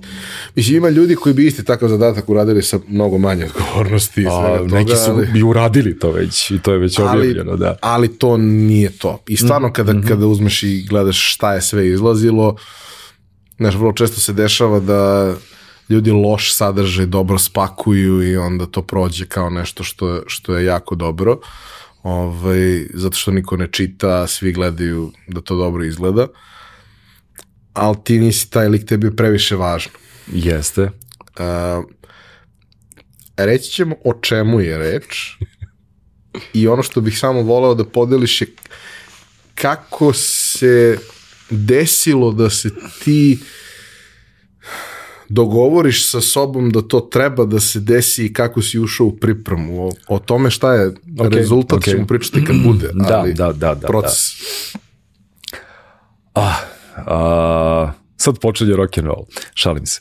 A, s jedne strane, mislim, na hajde nećemo kriti, dakle, objavila i zadužbina Milana Mladenovića da se priprema monografija o Milanu, a, čudnim internetskim i, od, i ostalim putevima, a, ja sam osoba koja se prihvatila tog posla. Ono što zapravo determiniše čitav projekat i to sam negde objašnjavao i Maj sa kojom sam prvom pričao o čitave knjizi jeste to da da ja sam kao veoma mali odnosno klinac bio obožavalac iskreni tog benda, odnosno Katarine Velike. Malo čas smo definisali da sam odrastao uz Niko kao ja, odnosno Šarla Akrobotu. I ja sam prvi put, Ekaterina Velika je jedan od meni prvi koncerta u životu. Tačnije, mislim, prvi na koji sam otišao sam sa svojom ekipom, ne u pratnji tetaka, mama i tako dalje, a to je negde 86. u Doma omladine, 87. u zimu. A, u tom smislu, dakle, ja pristupam čitavoj toj priči kao neko ko je od tada pa do danas vrlo naslušan te muzike i vrlo je odan toj muzici u pravom značenju te reči. A sa druge strane, negde mislim da je za moje određenje, odnosno tonalitet u kojem ja pokušavam to sve da ispričam i da napravim, činjenica da iz nekih čudnih stice okolnosti sam ja proveo neko vreme svirajući u istom prostoru u kojem su i oni tada vežbali, a, odnosno osjećam neku vrstu odgovornosti prema čovjeku koji nije samo svojim pesmama nego svojim ponašanjem i onim što je u javnom diskursu, kako bi sad rekli, govorio, negde nama kao generaciji meni konkretno pomogao da lakše razumemo neke stvari i da se prema nekim stvarima odredimo. To je negde odgovornost koja je duboko intimna i u tom smislu sam ja negde bio veoma svestan kad sam rekao da, ja ću ovo da uradim. Negde koliko sam negde na tom vrlo ljudskom nivou negde dužan njemu i čitavoj toj priči. A, sa druge strane, ja sam to prihvatio kao izazov, ne u smislu profesionalnog izazova, već negde izazov bio sam potpuno svestan da će rad na svemu tome i na toj arhivi, na toj knjizi i u tim razgovorima sa tim ljudima, da će se dogoditi nekakve dramatične promene meni, kao osobi, kao čovjeku koji pokušava da piše, odnosno koji do sada pisao neke drugačije stvari, kao čoveku koji uh, intervjuiše ljude pa treba da prepozna kada postavlja pravo pitanje u pravom trenutku, ti to radiš i razumeš tu muku. Sa neke treće strane, ono što negde mislim da takođe je jako važno, a, ovo je onako životni projekat, odnosno životna obaveza u smislu šta ja sve negde bi trebalo da otkrijem, da saznam i da to kada sve konačno stavim na stoji ispred sebe povežem u neku smislenu celinu što će biti najteži deo zadatka, jer nakon 40 godina slušanja Ekaterine Velike, Šarla Krobate, projekta Angel's Breath i svega što je negde Milan radio, a, i nakon svih tih godina, kada sam ja u fazi da shvatam muziku, uveliko već ovde. Ja više tehnički ne moram da slušam te albume, znam ih zaista u šum i znam tačno da je Žika namerno sinkopirao uh, određenu, određenu činelu, činelu i znam negde i uh, koncertne zapise gde se dešava mikrofonija itd. itd. Znači ja sam s tom muzikom uveliko jedan na jedan. Uh, ja sada imam negde u zadatak, datum je, Marko Milivojević, bubnjar Ekaterine, u jednom intervju govori kako je on prosto bio izabran da svira u bendu i on je prihvatio, prihvatio to što je izabran i počeo je da svira. Ja sam tako na neki način izabran da napišem tu priču i tu knjigu. A, I imam s treće strane neku obavezu da pokušam da ljudima dam neke dodatne putokaze da oni lakše možda sada nakon svih ovih godina koliko Milana nema, pokušaju da razumeju šta je zapravo te čovjek govorio i dakle te čovjek dolazi. Jel, evo nekih malih tizera šta se sve otkriva i odakle sve to dolazi. Ti na jedan način slušaš te pesme kada uh, slušaš to sa nekom idejom, ove ovaj čovjek koji u Šarlu Akrobati peva oko moje glave i zajedno sa kojom uh, vrištao u mikrofon niko kao ja. A drugačije razumeš neke pesme kada znaš da je u pitanju čovjek koji je pre toga uglazbljivao, odnosno pisao muziku i pevao neke stihove Alekse Šantića ili Stevana Rajičkovića. To je potpuno drugačiji ugao. Ili znaš da je svoje vremeno recitovao Oskara Daviča nekim osobama. A, drugačije razumeš sve te neke stvari kada ponovo čitaš te intervjue i naročito iz vremena negde 89. 93. četvrta, kada on od jednog čovjeka koji je pre toga imao jasno određen decidiran stav ja nisam osoba koja rešava društvene krize i nije u mom biću ideja da se bavim politikom, a onda dve godine kasnije imaš čoveka koji snima Dum Dum i sve one pesme koji su se veoma bavile raspadom i moje domovine. U tom smislu negde, evo, dobio sam priliku da prođem ponovno kroz tu priču, da pričam sa mnogim ljudima koji su bili svedoci nekim stvarima, koji su sa njim svirali, družili, živeli, putovali, stvarali neku muziku i moj cilj jeste da to što je moguće verodostojnije prenesam u neku celinu i da to uradim sa potpunim poštovanjem prema istini, što je jako važan aspekt ove čitave priče, oko čitavog menda, ne samo oko Milana. Do sada se realno pojavila jedna zaista dobra knjiga, nju je Aleksandar Žegić napisao pre sada već 24 godine i ona negde u tom nekom faktografskom smislu zaista zaokružuje sve što je bitno. Mi sada 24 godine kasnije otkrivamo neke stvari koje tada možda nisu bile dostupne i ono što je mnogo važnije, razumemo neke stvari malo drugačije. Ti ljudi koji su bili svedoci tog vremena sada drugačije posmatraju te godine koje su prošle, te će ta knjiga imati nekih da kažemo, svojih kvaliteta, odnosno velikih različitosti odnosno na Žikićevu knjigu, a umeđu vremenu su se pojavili mnogi knjige, mnogi tekstovi koji su a, prilično oduzeti od istine. U pravom značenju te reči, mislim da neki portali i neki mediji prednjače u tome i vremenom shvatiš zapravo kako prolaziš kroz sav taj materijal, da čak i postoje neke silne izjave ili citati koji se u, iz različitih razloga spominju u nekim tekstovima kada su neke godišnjice ili rođendani, a, koji takođe nisu tačno navedeni, ali to je negde na sreću značenja su zadržana i ona i dalje postoje i kad se šeruju na društvenim mrežama one su uglavnom tačna, ali je razlika kao kada slušaš MP3 file i kada slušaš FLAC fajlove. U izvornim verzijama su te rečenice lepše, tečnije, punije i imaju neka značenja koje se iz ciljnog prepisivanja i prekucavanja izgube. E sad ćemo probati sve to da vratimo na jedno mesto i to će da ima mnogo strana i treba će još neko vreme da se to napravi. Ima još jedna dimenzija koja se nisi dotako, a koja mislim da je dosta bitna. A ta dimenzija je da, po mom skromnom mišljenju, sada, plus minus par godina, je poslednji trenutak kada to možeš da sagledaš na pravi način. Jer ima taj neverovatan uh, ta neverovatna stvar da mi neke neke osobe pamtimo u, u kontekstima u kojima smo ih doživljavali mm -hmm, sve mm -hmm, i mi mm -hmm. mi Milana pamtimo kao mladog čoveka. Da. Jer on je mlad otišao. Da. Prošlo je skoro 30 godina on je sada jedan više nego sredovečan čovek pod uslovom da postoji kontinuitet i da je mm -hmm, nastavio mm -hmm. da postoji. Njegovi savremenici su ljudi u svojim 60. godinama, Imaju mlađih. 70. 80.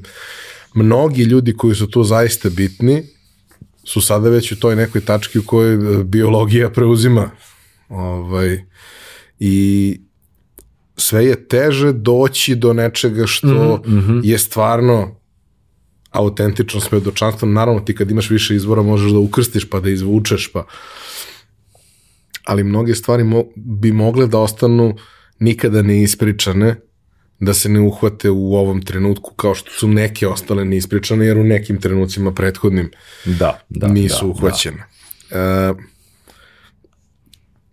neću da kvarimo dalje, ovaj, dali smo ljudima malo tizera, kad dođe vreme, vi ćete to sve već obznaniti i, i, podeliti. Drago mi je što si te neke detalje dao, čisto da, da ljudima zagolicamo maštu, ali ovaj, nije slučajno zašto si ti izabran. A, vreme će pokazati. A, ono što ono što negde jako važno, a, ima ima na našoj sceni ili bilo je na našoj sceni još ljudi koji su takođe zaslužili da se tekako piše o njima i koji su čak negde generacijski a, bliski, bliski godinama Milano a, i nekako ima čak i pokušaje filmova od svim tim istim ljudima i većina tih stvari nikada nije doživala svoju premijeru, odnosno nikada nisu napisane ili objavljene, ostale su po nekim rukopisima ili konceptima nedovršeni, a meni je to negde razlog više da se što pre neke stvari zabeleže, ispričaju i da krenu da se formiraju, jer negde ova priča ja sam toga sve svesniji i svesniji iz dana u dan kako napredujem u intervjuima sa, sa sagovornicima, odnosno u čitanju nekih arhiva, a, dragoceno je da se zabeleži, naročito kada imaš u vidu, i to je meni za sada najslađi deo te čitave priče, i u tome će recimo ta knjiga da se razlikuje u, u odnosu na neke druge. Ja između ostalog pričam i sa nekim veoma mladim ljudima koji se nisu ni rodili u vreme kada je Milan svirao, a, kojima ta muzika i ta njegova lična priča ili to što je on kao simbol njima danas predstavlja, im užasno mnogo znači. I to je recimo ta zanimljiva dimenzija muzike, odnosno značenja nekih stvari, jer pričaš sa nekim ko je rođen 96. koji ima vrlo duboke emotivne i racionalne razloge zašto mu je ta muzika bitna i koji je spreman da te svoje razloge takođe podeli sa publikom. U tom smislu negde mislim da kada se on negde tako koncipira i pogleda kao neka priča koja je okrenuta ka prošlosti, ali ka budućnosti, verujem da će otkriti neke nove razloge za neka nova dalje otkrivanja. Hoću jednu stvar da te pitam, ona ima vezi sa tvojim poslom kojim, kojim se primarno baviš, što kaže, od čega kupiš kiselu vodu. Ovaj, zato što je on, on došao kao posledica. E, ti si mnogo vremena pripovedao kroz različite formate mm -hmm. o svojoj ljubavi prema muzici. Što je značilo da si morao da naučiš to da radiš a, mislim, kroz proces uh, pokušaja i pogreške, da, uz mnogo da, da, pokušaja, da. si naučio sve to da radiš uz ljude koji su te inspirisali, koji su ti pomagali na tom putu, pričali smo i o tvom iskustvu ono, sa početka karijere, radije i svega toga. Ovaj, I uh, ja se ne slažem sa tvojim muzičkim izborom. Mislim, ne gađamo se sad nešto u okay. preterano okay. velikom procentu. Uh, više nego što bih očekivao, ali Dobro. nije da smo sad ono 80% sličnost. Ok, što ok, se toga ok. Tiče. Ali način na koji ti pričaš o tim stvarima i pišeš o tim stvarima i govoriš o tim stvarima koje tebi znače je takav da ja poželim da se upoznam sa tim. To je moj cilj, da. E, kako dođeš do toga, odnosno šta bi savjetovao nekome kako da pokaže drugim ljudima mm -hmm. ono što voli i kako da prenese poruku o tome što, što mu je važno. Kako da zainteresuje drugu stranu. Razumem, kao, razumem. Znaš, pričamo o pisanju. Ako, mm -hmm, ako gledamo mm -hmm. kurseve pisanja, Kapiram. Sales i sve. Postoji set pravila koji je vrlo bazičan kako se piše ono long sales letter. Niko se nije zaljubio u long sales letter. Apsolutno ne. E, kroz to što ti radiš, ja sam u stanju da se zaljubim u nešto što mi se ne sviđa. hvala ti na ovome, to jeste moja životna misija, ali, ali hajde, hajde da probamo ovako. Ima ta, ima ta izreka, mislim da se pri, pripisuje se Franku Zappi, pripisuje se Lori Anderson, raznim nekim ljudima, a, možda nije ni bitno ko je prvi rekao, pošto nije tačna, ali a, ta misa od prilike glasi a, pisati o muzici je kao plesati o arhitekturi. Liči najviše na Franka Zappu, moram, moram da priznam ali uh, iskustvo nam govori i vreme nam pokazuje da zaista ta misao nije tačna, utoliko što možda se na određene forme pisanja o muzici ona zaista i odnosi, ali ako ništa više, ja znam barem nekoliko pesama ili čak albuma koji su veoma plesanje o zgradama, odnosno inspirisane zgradama, tako da mogu i na taj način to da ovaj, oborim. A, suštinski je veoma prosto ja sam negde tokom svih ovih godina ili decenija čitanja zapravo najviše se trudio da naučim upravo to o, čemu ti sada govoriš.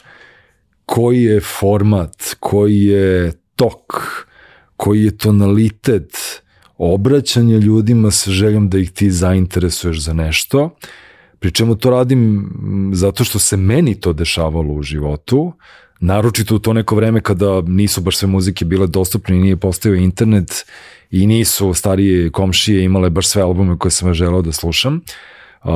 Pre dosta godina upravo spominjani Aleksandar Žikić je u tadašnjem magazinu Rock objavio jedan nekratki tekst o bendu Joy Division. Ja u tom trenutku imam 15 godina.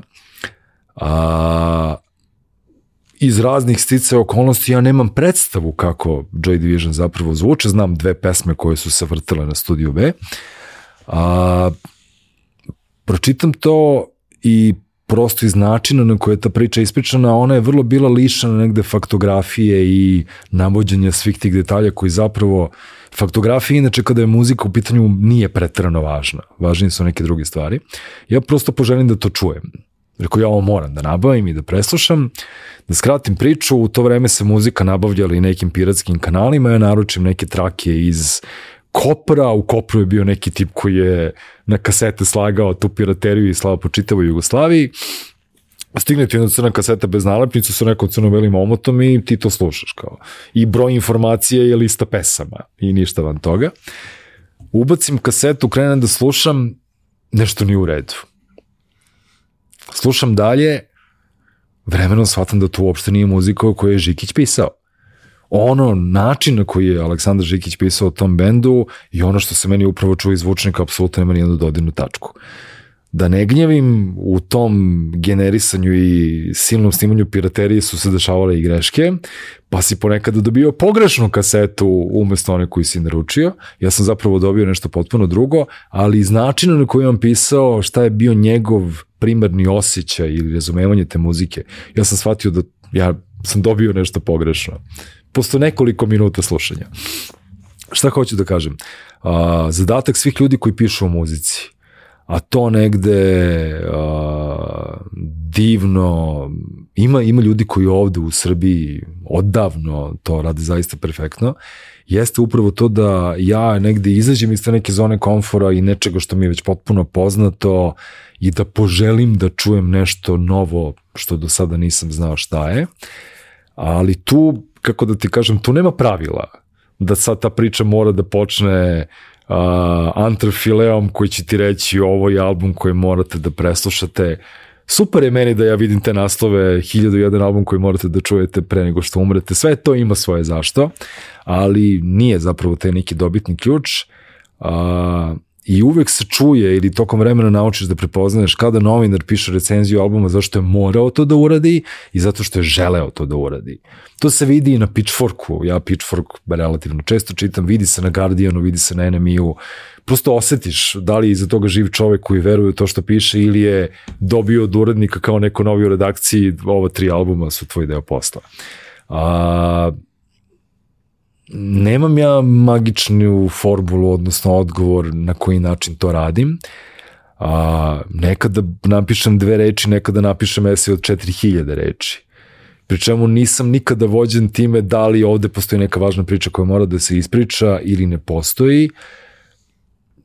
Pitanje osjećaja. Ako sam tebe ubedio da preslušaš neke stvari koje negde možda nisi očekivao da ćeš slušati, ja sam onda uspeo tebi da uradim ono što je radio Žikić meni ili neki drugi autori, u tom smislu muzika nastavlja da postoji kao jedna nezaustavljiva sila, naša misija, to je moja misija je završena. To postoji i u drugim oblastima. I to je ono što, što je magija. S tim što čini mi se da je postojalo mnogo više u nekom prethodnom vremenu nego što postoji danas. Ja ću napravim paralelu kako obično pravim. Verovatno sad već neko ko sluša prevrće očima ako ga to ne zanima, ali sportski komentatori su jedan od najegzaktnijih primjera toga. Ok, ok. Zato što danas sve su podaci. Zato što su podaci dostupni i ti znaš Apsolutno. svaku stvar u ono šestu decimalu i sve ti je to a ne znaš ništa o kontekstu, ne znaš ništa, ako te neko baci u vatru da treba da radiš nešto zašto nemaš pripremu na 18 strana, mm -hmm. jer ja sam radio, ono, čitao sam pripremu za utakmicu premijer lige, koju relativno, da kažem, posvećeno pratim, ali ima klubova koji me ne zanimaju jer nisu Manchester United, Liverpool, Arsenal, okay, šta god. Okay. Ti dobiješ pripremu. Sa tom pripremom, ukoliko, da kažemo, vladaš malo i ponašanjem i glasom i imaš neki osjećaj, možeš da odradiš savršeno, tačno utakmicu o kojoj ne znaš ništa, ne znaš ni jednog igrača, ne, nema kontekst nikakav, nemaš jer neko seo i se žvakao ti to mm -hmm, sve, spakovao mm -hmm, ti to u lagano štivo koje je prezanimljivo spakovao. Ali fora što, kad pričaš sa tim ljudima koji sad imaju 40-ak, 45, 50 godina, koji su počeli pre 20 ili 30, okay, okay. oni su učili od ljudi kojih sad najčešće više i nema ili su u penzijama, koji nisu imali nikada nikakve pripreme da. ni za šta. A morali su da učine da stvari budu zanimljive i nisu imali luksus koji imaš danas da ne znam ono na svojoj kablovskoj televiziji imaš 14 sportskih kanala koji u realnom vremenu prenose sve, pa i ako si loše odradio prenos, nema veze, mm -hmm. nego ima jedan prenos nedeljno. Mm -hmm. To je najvažnija stvar na jeste, svetu svima jeste, koji su jeste, slušali. Jeste. I ako si rekao nešto glupo, Narednih 30 da čuju. godina će svi da pamte da si ti rekao to nešto glupo i besmisleno. Apsolutno. I onda kada slušaš njih, kako su ti ljudi od kojih su oni učili, koje smo, neke smo kasnije možda i smevali jer su bili old school, a mi smo svi znali sve brojke. Kada slušaš kako su oni voleli to što rade i kako su znali širi kontekst svega i kako su razumeli stvari koje, kojima mi ni ne razmišljamo danas jer ne idemo nikada dalje od te statistike. Mm -hmm, mm -hmm. Znači, ono, naj, najgora stvar koja se desila košarci i najbolja je nešto što se zove napredna statistika. Kao, nije bilo dovoljno statistike, hajde okay, sad da ubacimo okay, još 14 okay. parametara jasne, koje ćemo jasne, da pratimo. Jasne. A u svemu tome se izgubi ta ljubav. I vidiš, možda nema veze sa tim, možda je generacijska stvar, ali imam neki osjećaj da nije. Mm -hmm. Klinci ne gledaju sport. Mm -hmm. Klinci gledaju i sport. Ali Mrzom. gladijatori ih ne zanimaju. Razumem. Naša generacija ih i dalje gleda, mi smo platežno sposobni, živeće to još jedno deset godina sigurno. Šta će nakon toga da bude? Pitanje je, sve se češće dešava da te neke velike manifestacije su u padu. Slična stvar se dešava i sa nekim drugim formatima.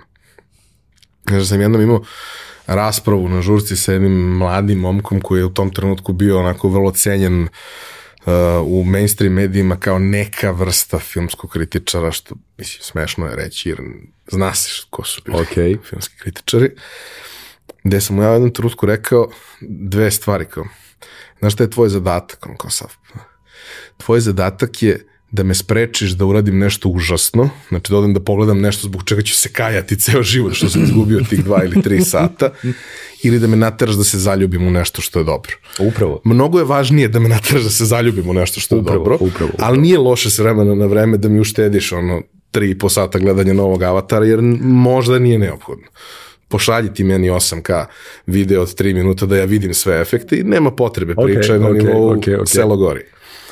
I kao, toga više gotovo da nema. Mm -hmm. Naročito ga nema kroz mainstream kanale. Toga ima po buđacima, sa čudacima i ludacima. Ali toga, za tako nešto više ne postoji prostor. I ja svoj život baziram na tome da tražim i dalje te stvari, da me napajaju nekom energijom, ali njih ima sve manje. I sad, pošto sam ovaj, trigerovao svima depresiju, ovaj, Evo ja se smejem, sve u redu. Kako da to promenim? I kako da onima koji su ti, kao što si ti, i kao što sam ja kroz ovo što radim, damo neku vrstu podstreka da to treba da rade. Jer, kao što sam mnogo puta u posljednje vreme, što dosta govori o nekom mom, nekoj moje životnoj fazi, rekao, ono, ja svako jutro kad ustanem osjećam se kao idiot. Mm -hmm. I onda se neke mm -hmm. stvari u toku dana desi koje mi kažu da nisam ili se ne desi, pa ostanem da verujem to. Nije to naravno baš tako, jasno, ali jasno, razumeš jasno, šta jasno. hoću. Jasno. Ajde da im damo malo vatre. Mm, veoma rado. Mislim, ti si potpuno u pravu, jel nije bitno koji je posao, sad ćemo ponovno da pričamo o bavljanju muzikom i pop kulturom, ali slažem se i za sportski komentator, slušao sam različite tokom svih ovih godina, ali ljubav jeste stvar koja pravi tu neku prvu razliku. Ima ljudi koji su zaljubljeni u muziku, a koji prosto nemaju skillove razvijene da je to prenose dalje, već postanu nekakvi ono autohtoni sami slušalci ali uh, ljubav jeste bitna i uh, vratit ću se na sekund na priču o knjizi. Uh, ja sam između ostalog u čitavu tu priču sa knjigom ušao zato što sam u nekom trenutku osvestio da sa svih ti koncerata i svega toga kada sam gledao Ekaterinu Veliku uživo, ja sam zapravo zaista jasno jedino zapamtio naboj Milanovog glasa tokom tog koncerta. Ja nisam više načisto koje pesme su svirane, da li je to bilo neki poriših nota, šta je radila publika, kakva je bila scenografija, i je, ako bih se potrudio bih se setio, ali ja sve što pamtim je naboj tog glasa koji Sabine stiže ka nama. I meni je negde ta frekvencija i taj osjećaj koji je taj glas izazivao pomogla da ja u nekom trenutku kažem da, ja ću ovo sada da uradim. Isto je nekako sa, uh, sa, sa i, i bavljenjem pop kulturom iz vizure podcasta, autora tekstova na malom portalu koji se bavi pop kulturom, a ima ih po Srbiji još uvijek, ja ih sa uživanjem čitam, jer tamo otkrivam te nekakve zaljubljene ludake koji ne štede ni vreme, ni sebe da drugim ljudima preporuče zašto je nešto vredno gledanja, zašto je nešto vredno slušanja. A, kako da kažem, nagrade dolaze u veoma neočekivanim formatima i, i, i nikada nisu materijalne, ne možeš da se nadaš nekoj vrsti materijalnih nagrada kada se posvetiš tako tome, ali uh, onaj moment kada ti se dogodi da uh, ako pričam o podcastu, evo sad da pričam zaista iz ličnog, jer znam šta su meni nagrade i šta je meni tao nekakvo gorivo koje mene inspiriše da nastavim time da se bavim dalje. A, kada ti neko pošalje čak poruku iz Libije, što je nedavno bio slučaj, stari radio to nije mogao da radi, ovaj, uh, online i podcasti mogu, i kaže evo vozimo se i slušamo vas i uživamo u tome, ili kada neko ko, za koga naknadno se ispostavi da živi nedaleko od mene mi kaže ovu pesmu nisam čula toliko i toliko, a mi je zato što mi se uz nju dogodilo to, to, to. To su neke male nagrade koje ti prosto kažu aha, ovo ima smisla. Odnosno, ako priđeš čitavom tom poslu ili bavljenju muzikom, filmom, kritikom, sportskim komentarisanjem, ako ulaziš u to negde čista srca sa željom da nekim ljudima daš nekakav signal ili, ili mali push da nisu sami i da ima još ludaka koji su malo možda trenutno razbacani, dislocirani, možda trenutno nepovezani i da negde želiš da ih ohrabriš u tome da nastave da oni dalje istražuju, slušaju, vole, to si dužan da uradiš. Naročito ako imaš neke mogućnosti da uključiš mikrofon, uključiš kameru ili radiš nešto treće. I to će se vratiti, kažem, u nekom neočekivanom formatu. Meni se između ostalog vratilo i tako što sam dobio da pišem tu knjigu to je nagrada za mene u pravom značenju te reči. Povezat ćete sa nekim ljudima koji misle isto kao i ti, pa ćete zajedno praviti neke emisije ili ćete napraviti online radio. Beogradski radio aparat koji funkcioniše već nekoliko godina i primer te vrste community gde su se nekakvi različiti ljudi našli na mestu i rešili da rade radijski program, tako da postoji nagrada i nekakve te vrste. A, na koncu svega, kao što je nekada bilo na klasičnom FM radiju, pa ti nešto pustiš, pa ti zazvoni telefon, pa ti se neko zahvali za pesmu, ti si upravo uspeo da u beskonačnom univerzumu i kontinuumu prostora i vremena u pravom trenutku izabereš pravi zvuk koji je učinio da nekome srce zaigra drugačije ili da drugačije posmatra svoj život. Pa kako da ti kažem, koliko još postoji načina da ti negde na taj način menjaš ljudima živote? Jako ih je malo. Muzika je jedan od njih i ako već imaš to mogućnost da to radiš, radi to vratit će ti se u nekoj formi koju ne očekuješ. Znaš kad sam skapirao da je iPhone najmagičnija sprava koju je neko nekad napravio da je internet najvažnija stvar koja se desila na svetu. Ima jedno 15 godina. Tek, je, tek se pojavio i tek recimo prva godina nakon toga kad su počele da se pojavljaju aplikacije. Mm -hmm. Nisi imao samo onaj predefinisani set, nego imaš sad možda instaliraš aplikacije. I e, mogao si, svi su to u nekom trenutku radili, imao si one glupe aplikacije da instaliraš pivo, pa nagneš, pa ono siđe, aha, pa si imao da puckaš pa pi, one, um, kako se zovu, uh, bubble wrap, pa si imao svašta nešto tako. Ali to je sve bilo statički, to ti prolaziš ko stoji, kao zabavno je prvih 14 sekundi i nakon toga više nikad da. ne otvoriš, ili ono, ne znam, upaljač za koncerte. Ali trenutak kada skapiraš sve. Mislim, nije, nije prvi put, ali nije na isti način i prvi put je u pravom real time-u i bila je aplikacija, ne sjećam se koja je napravila, nije ni bitno, napravila je planetarni uspeh, gde si mogao na iPhone-u da sviraš okarinu. Mhm, mm okej. Što, mislim, ok, kao imao si, od prvog si imao ono, ma, mali klavir, što kaže, malu klavijaturu ali sa Okarinom je postala jedna velika razlika, najvažnija na svetu. Mogu si da sviraš, mm -hmm. a mogu si da odeš na mapu. Na mapu sveta, gde imaš animirano kao ono, kao um, ono, vatrica koja ostavlja nekakve uh, particles, nekakve dobro, čestice dobro, u vazduhu dobro, i sve iz celog sveta vidiš u realnom vremenu razne neke, mislim, vjerojatno mali deo njih, jer to su milione ljudi koristili, ali vidiš određeni deo njih celog sveta i možeš da klikneš na bilo koga od njih i da čuješ šta oni u tom trenutku okay, sviraju, okay, kao što neko okay, može da čuje okay, tebe. Okay. I to je trenutak kada ti to kažeš... magično, da. Ok, ovo je najvažnija stvar na svetu, iako je potpuno besmisleno, nije važno, ali Znaš, kao, ja, mene uopšte, mislim, okarina mi nije uopšte inspirativna kao instrument, ali to kada se otelotvori u konkretnom mm -hmm, primeru mm -hmm, mogućnost i ti shvatiš da smo mi zapravo po prvi put stvarno svi u real time-u povezani, što je delovalo nemoguće, mm -hmm, čak i kada je mhm. tehnički postalo moguće, u glavi ti to ne možeš dok ne, dok ne doživiš da, da vidiš. Tad sam skapirao da da se dešava nešto što će da promeni ovaj svet suštinski i mi sada to imamo kroz najrazličitije druge stvari. Postojalo je ono, postojale su i tad, mislim, već tad bile aktivne multiplayer igre gde su okay, ljudi okay, to okay, okay, okay. Kao, to je bio jedan jako mali krug ljudi kroz te igre vi ste mogli zajedno da uradite nešto, ali nisi nisi mogao da pokupiš baš tek tako, sentiment osobe na drugom kraju sveta koju ne poznaješ, to. a koja može da ti uradi nešto magično to. kroz uređaj koji držiš u ruci. I vidi, ima tu još jedan aspekt, sad, sad, sam, sad sam evo i to osvestio.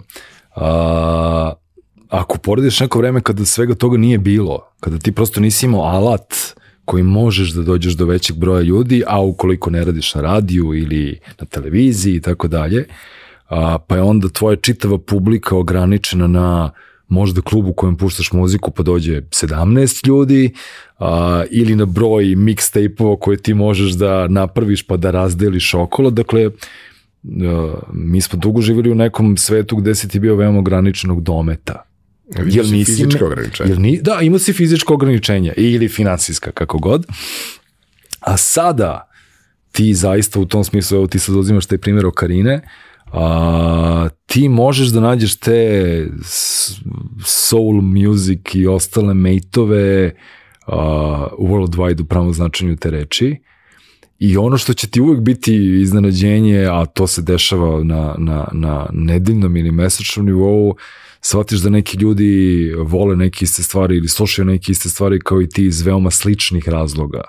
A između vas je kulturološki, fizički, kontinentalni, vremenski i mnogi drugi gepovi su se dogodili i vi ste opet iz istog razloga završili na istoj tačci kako da ti kažem, uh, ja i dalje nešto propovedam to da je muzika zapravo ono najultimativnija sila planete Zemlje. Ne samo zato što je muzika nešto što pali najveći broj delova naše, našeg mozga, već ako se malo zamislimo i zagledamo, pa muzika nastala i pre govora i pre slikarstva. To jeste ono prva možda prva veština kojom smo ovladali. Ok, možda smo lupali kost o kost, ali stvarali smo neki ritam, dobro neku zvučalo. muziku. Dobro je zvučalo, da nije dobro zvučalo, ljudi ne bi nastavili to da rade. To je super zanimljivo, znači Darwin je imao tu tezu da je muzika apsolutno nebitna za ljudski rod i da ona svojom pojavom ni na koji način ne utiče na poboljšanje kvali- kvaliteta našeg života.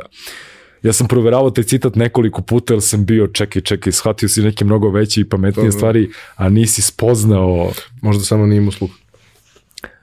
ili ga je možda ga ostavila neka kompozitorka u ranoj mladosti. Ko zna, to je privatni razlozi su jako zanimljivi uvek.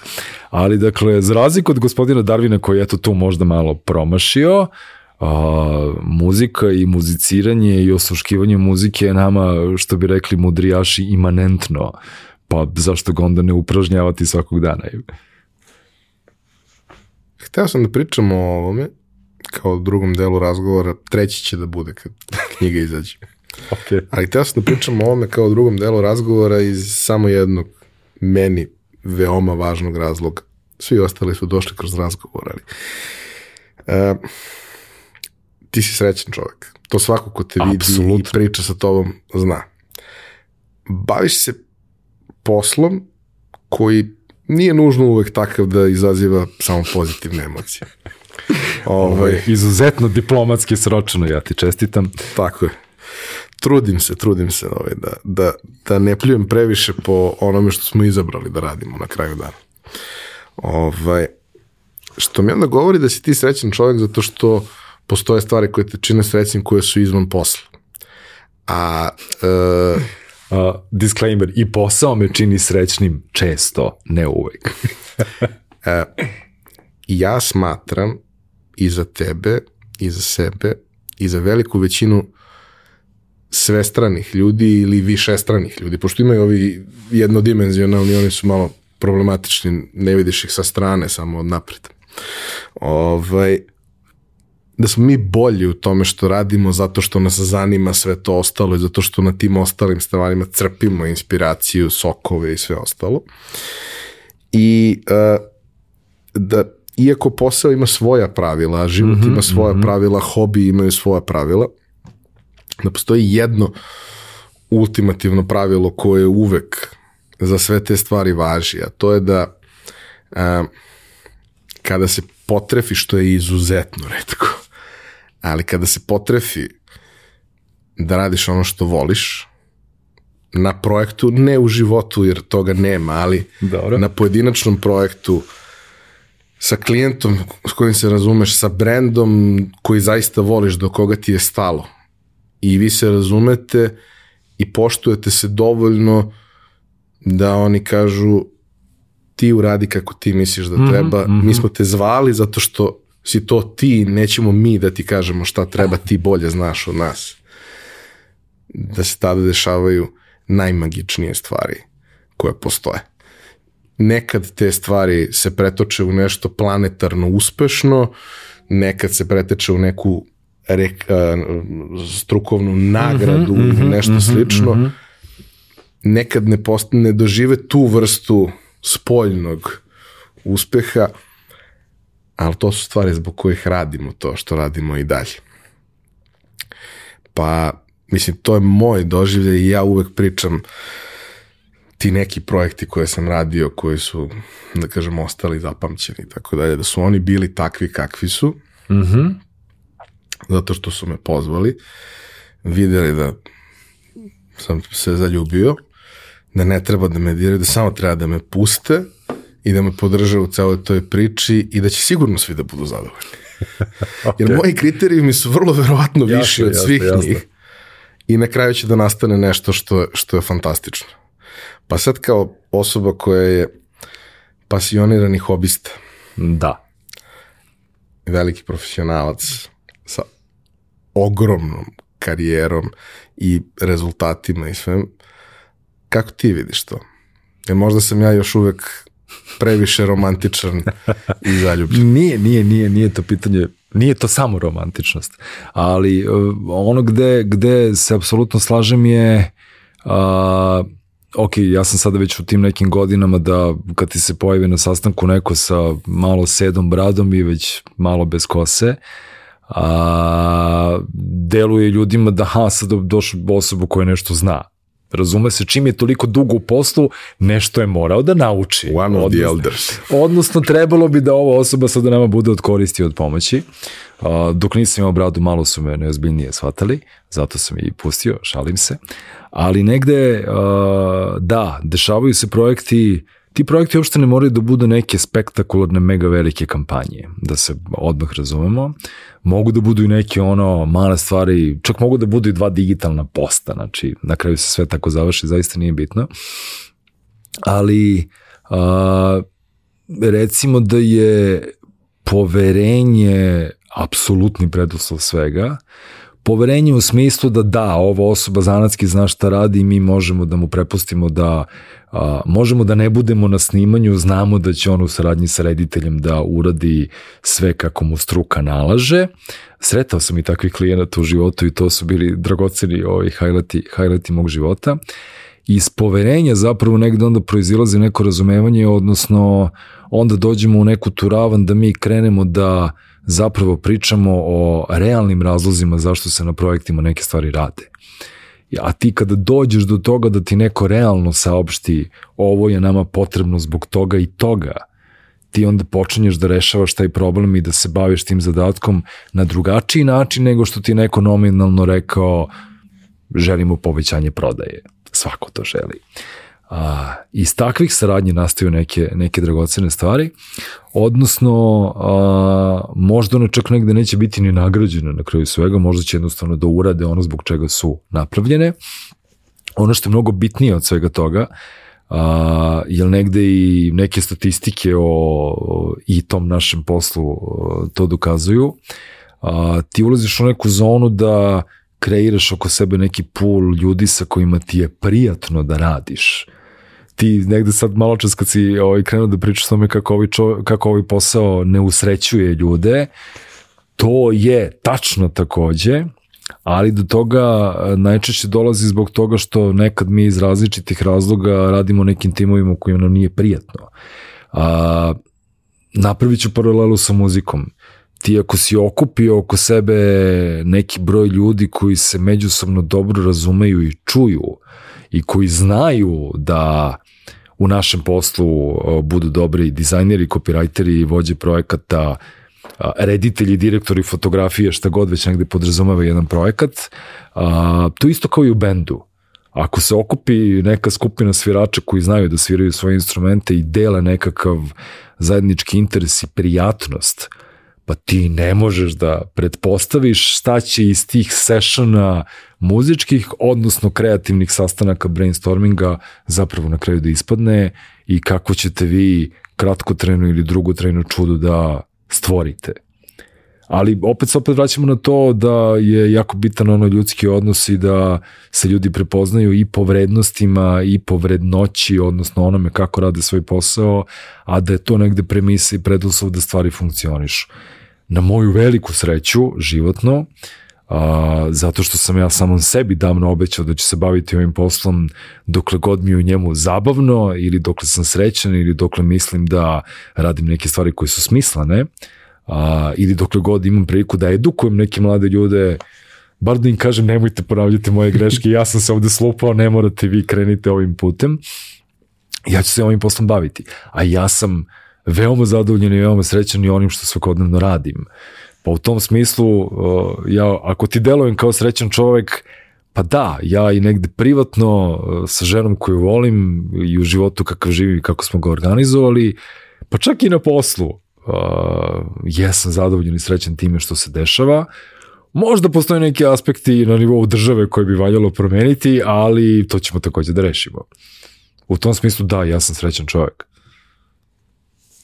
I ovo o čemu smo pričali, malo iskače iz koncepta, ovaj, to, znaš, kao preduzetničkog podcasta, mada sam ja odavno odustao od ideje da, da je ovo preduzetnički podcast, ali ovaj, ali daj ljudima možda ono što, što je takođe jako važno. Naći ćeš ti, uh, usvojit ćeš skillset koji će te dovesti do toga da zaradiš novac i sve ostalo. I onda kad zaradiš taj novac, ćeš sedeti kući jedno veče, gledati u zid, ovaj, plafon, televizor i shvatit ćeš da ti nešto fali. Ok. I da to što ti fali je ovo o čemu pričamo. A toga nekad nema u poslu. Nekad ima. Okay. Nekad ima na momente, nekad ima, ima u tragovima. Ima perioda kada ga zaista nema, da. Nekad ga ima mnogo i tad treba upijati i napajati se tom energijom. Ali čak i kada ga nema i kada ga nema duže vreme i kada je kriza i kada su problemi i kada je situacija kakva je bila u prethodnom periodu kada ono radosti baš nije bilo mm -hmm, mm -hmm. previše. Moramo da nađemo način da je stvorimo. Moramo da je tražimo u drugim stvarima i drugim ljudima, ne na mestima na kojima linearno očekujemo da će biti. Jer to je jedini način da opstanemo u, u ovom svemu. Uh, vidi, ne samo da opstanemo, nego uh, nekada te neke iskustva iz nekih potpuno drugih stvari kojima se posvećuješ, ti zapravo daje neke odgovore na temu onoga što je možda ta neka svakodnevna muka ili posao, jer uh, meni je uvijek bilo zanimljiva ta paralela kao kako Daniel Day-Lewis nakon ser, serije spektakularnih filmova i Oscara i svega što je osvojio, rešava da napravi pauzu i odlazi da pravi cipele u Italiji. Dosta radikalan shift, kao jedan dana si hollywoodska zvezda, drugog dana si krenuo da praviš cipele. A, negde niko od nas nije stvoren i rođen da radi samo jednu stvar u životu i samo jedan posao u životu. Ja nekako, što sam više stvari probao, ne samo što sam se više zabavljao, ja sam se zabavljao i, i drago mi je zbog toga, ali svakog od tih drugih ili alter poslova ili pratećih stvari kojima sam se bavio, nisam ja samo crpeo zabavu i zadovoljstvo. Ja sam naučio neke stvari, radići na knjizi ja sam postao organizovanija osoba u smislu svakodnevnog posla. Jer je ta knjiga kompleksnija od svakog projekta koji sam radio u životu. A, baveći se svakodnevnim poslom sam sebi olakšao način na koji pristupam nekim stvarima koje se rade van posla i nekako to, to te negde život nauči, neka se baviš stolarijom, neka se baviš, spominjali smo na početku ove priče restauraciju radioaparata, dakle lemljenje žica, tinol, pastu i sve što pripada tom nekom mikrosvetu popravljanja stvari, a, iznenadi se čovek kada shvati da neka iskustva iz tako nekih oblasti može da primeni u svakodnevnom poslu i da mu klikne ideja kako neki problemi mogu da se reše. Sve je apsolutno primenjivo. To je to. Bio, bio je taj, skoro sam gledao neki dokumentarac da ima sad to kao čitav jedan monolog od, od pet minuta gde jedna osoba drugoj objašnjava kako to što radi nema nikakvog smisla, to je gubljenje vremena i naš prolaziti dragoceno vreme u životu, a ti provodiš radeći nešto što je besmisleno i nikad ti neće doneti rezultat i priča, priča, priča, priča, priča. I kaže, pa dobro, zašto po Bogu to radiš? Voli. da, da. Vraćamo se ponovno na to. Ljubav je stvar koja definiše stvari. Bez ljubavi jako je teško da budeš srećan. Nije bitno da li u pitanju muzika, posao, život. Ja stalno ponavljam to kao ljubav i muzika su dve najjače sile. A, ne, ne govorim to slučajno, ja živim to i uživam u tome. Hvala ti što smo ovo ispričali. Hvala tebi. Hvala vama što ste nas slušali. Nadam se da vam je bilo interesantno. Ne znam da li ćete pustiti neku novu pesmu ili naći neku novu playlistu i pokušati da otvorite neke, ovaj, da povežete neke sinapse koje nisu po defaultu bile povezane. Ali se nadam da ćete početi da razmišljate o životu kao nelinearnoj stvari u kojoj ne postoji ovaj broj uh, žutih tačkica koje treba da pojedete kao Pac-Man da biste došli do nečega, nego se život odvija na malo različitim frekvencijama kao onaj radio koji smo Ćala i ja popravljali. Hvala vam puno što ste nas slušali. Ako imate neki komentar ili neki predlog šta da posluša ovaj, neko od nas ili od onih koji su slušali epizodu, ostavite ga u komentaru na YouTube-u. To bi bilo to za ovu nedelju. Mi se vidimo i čujemo ponovo naredne.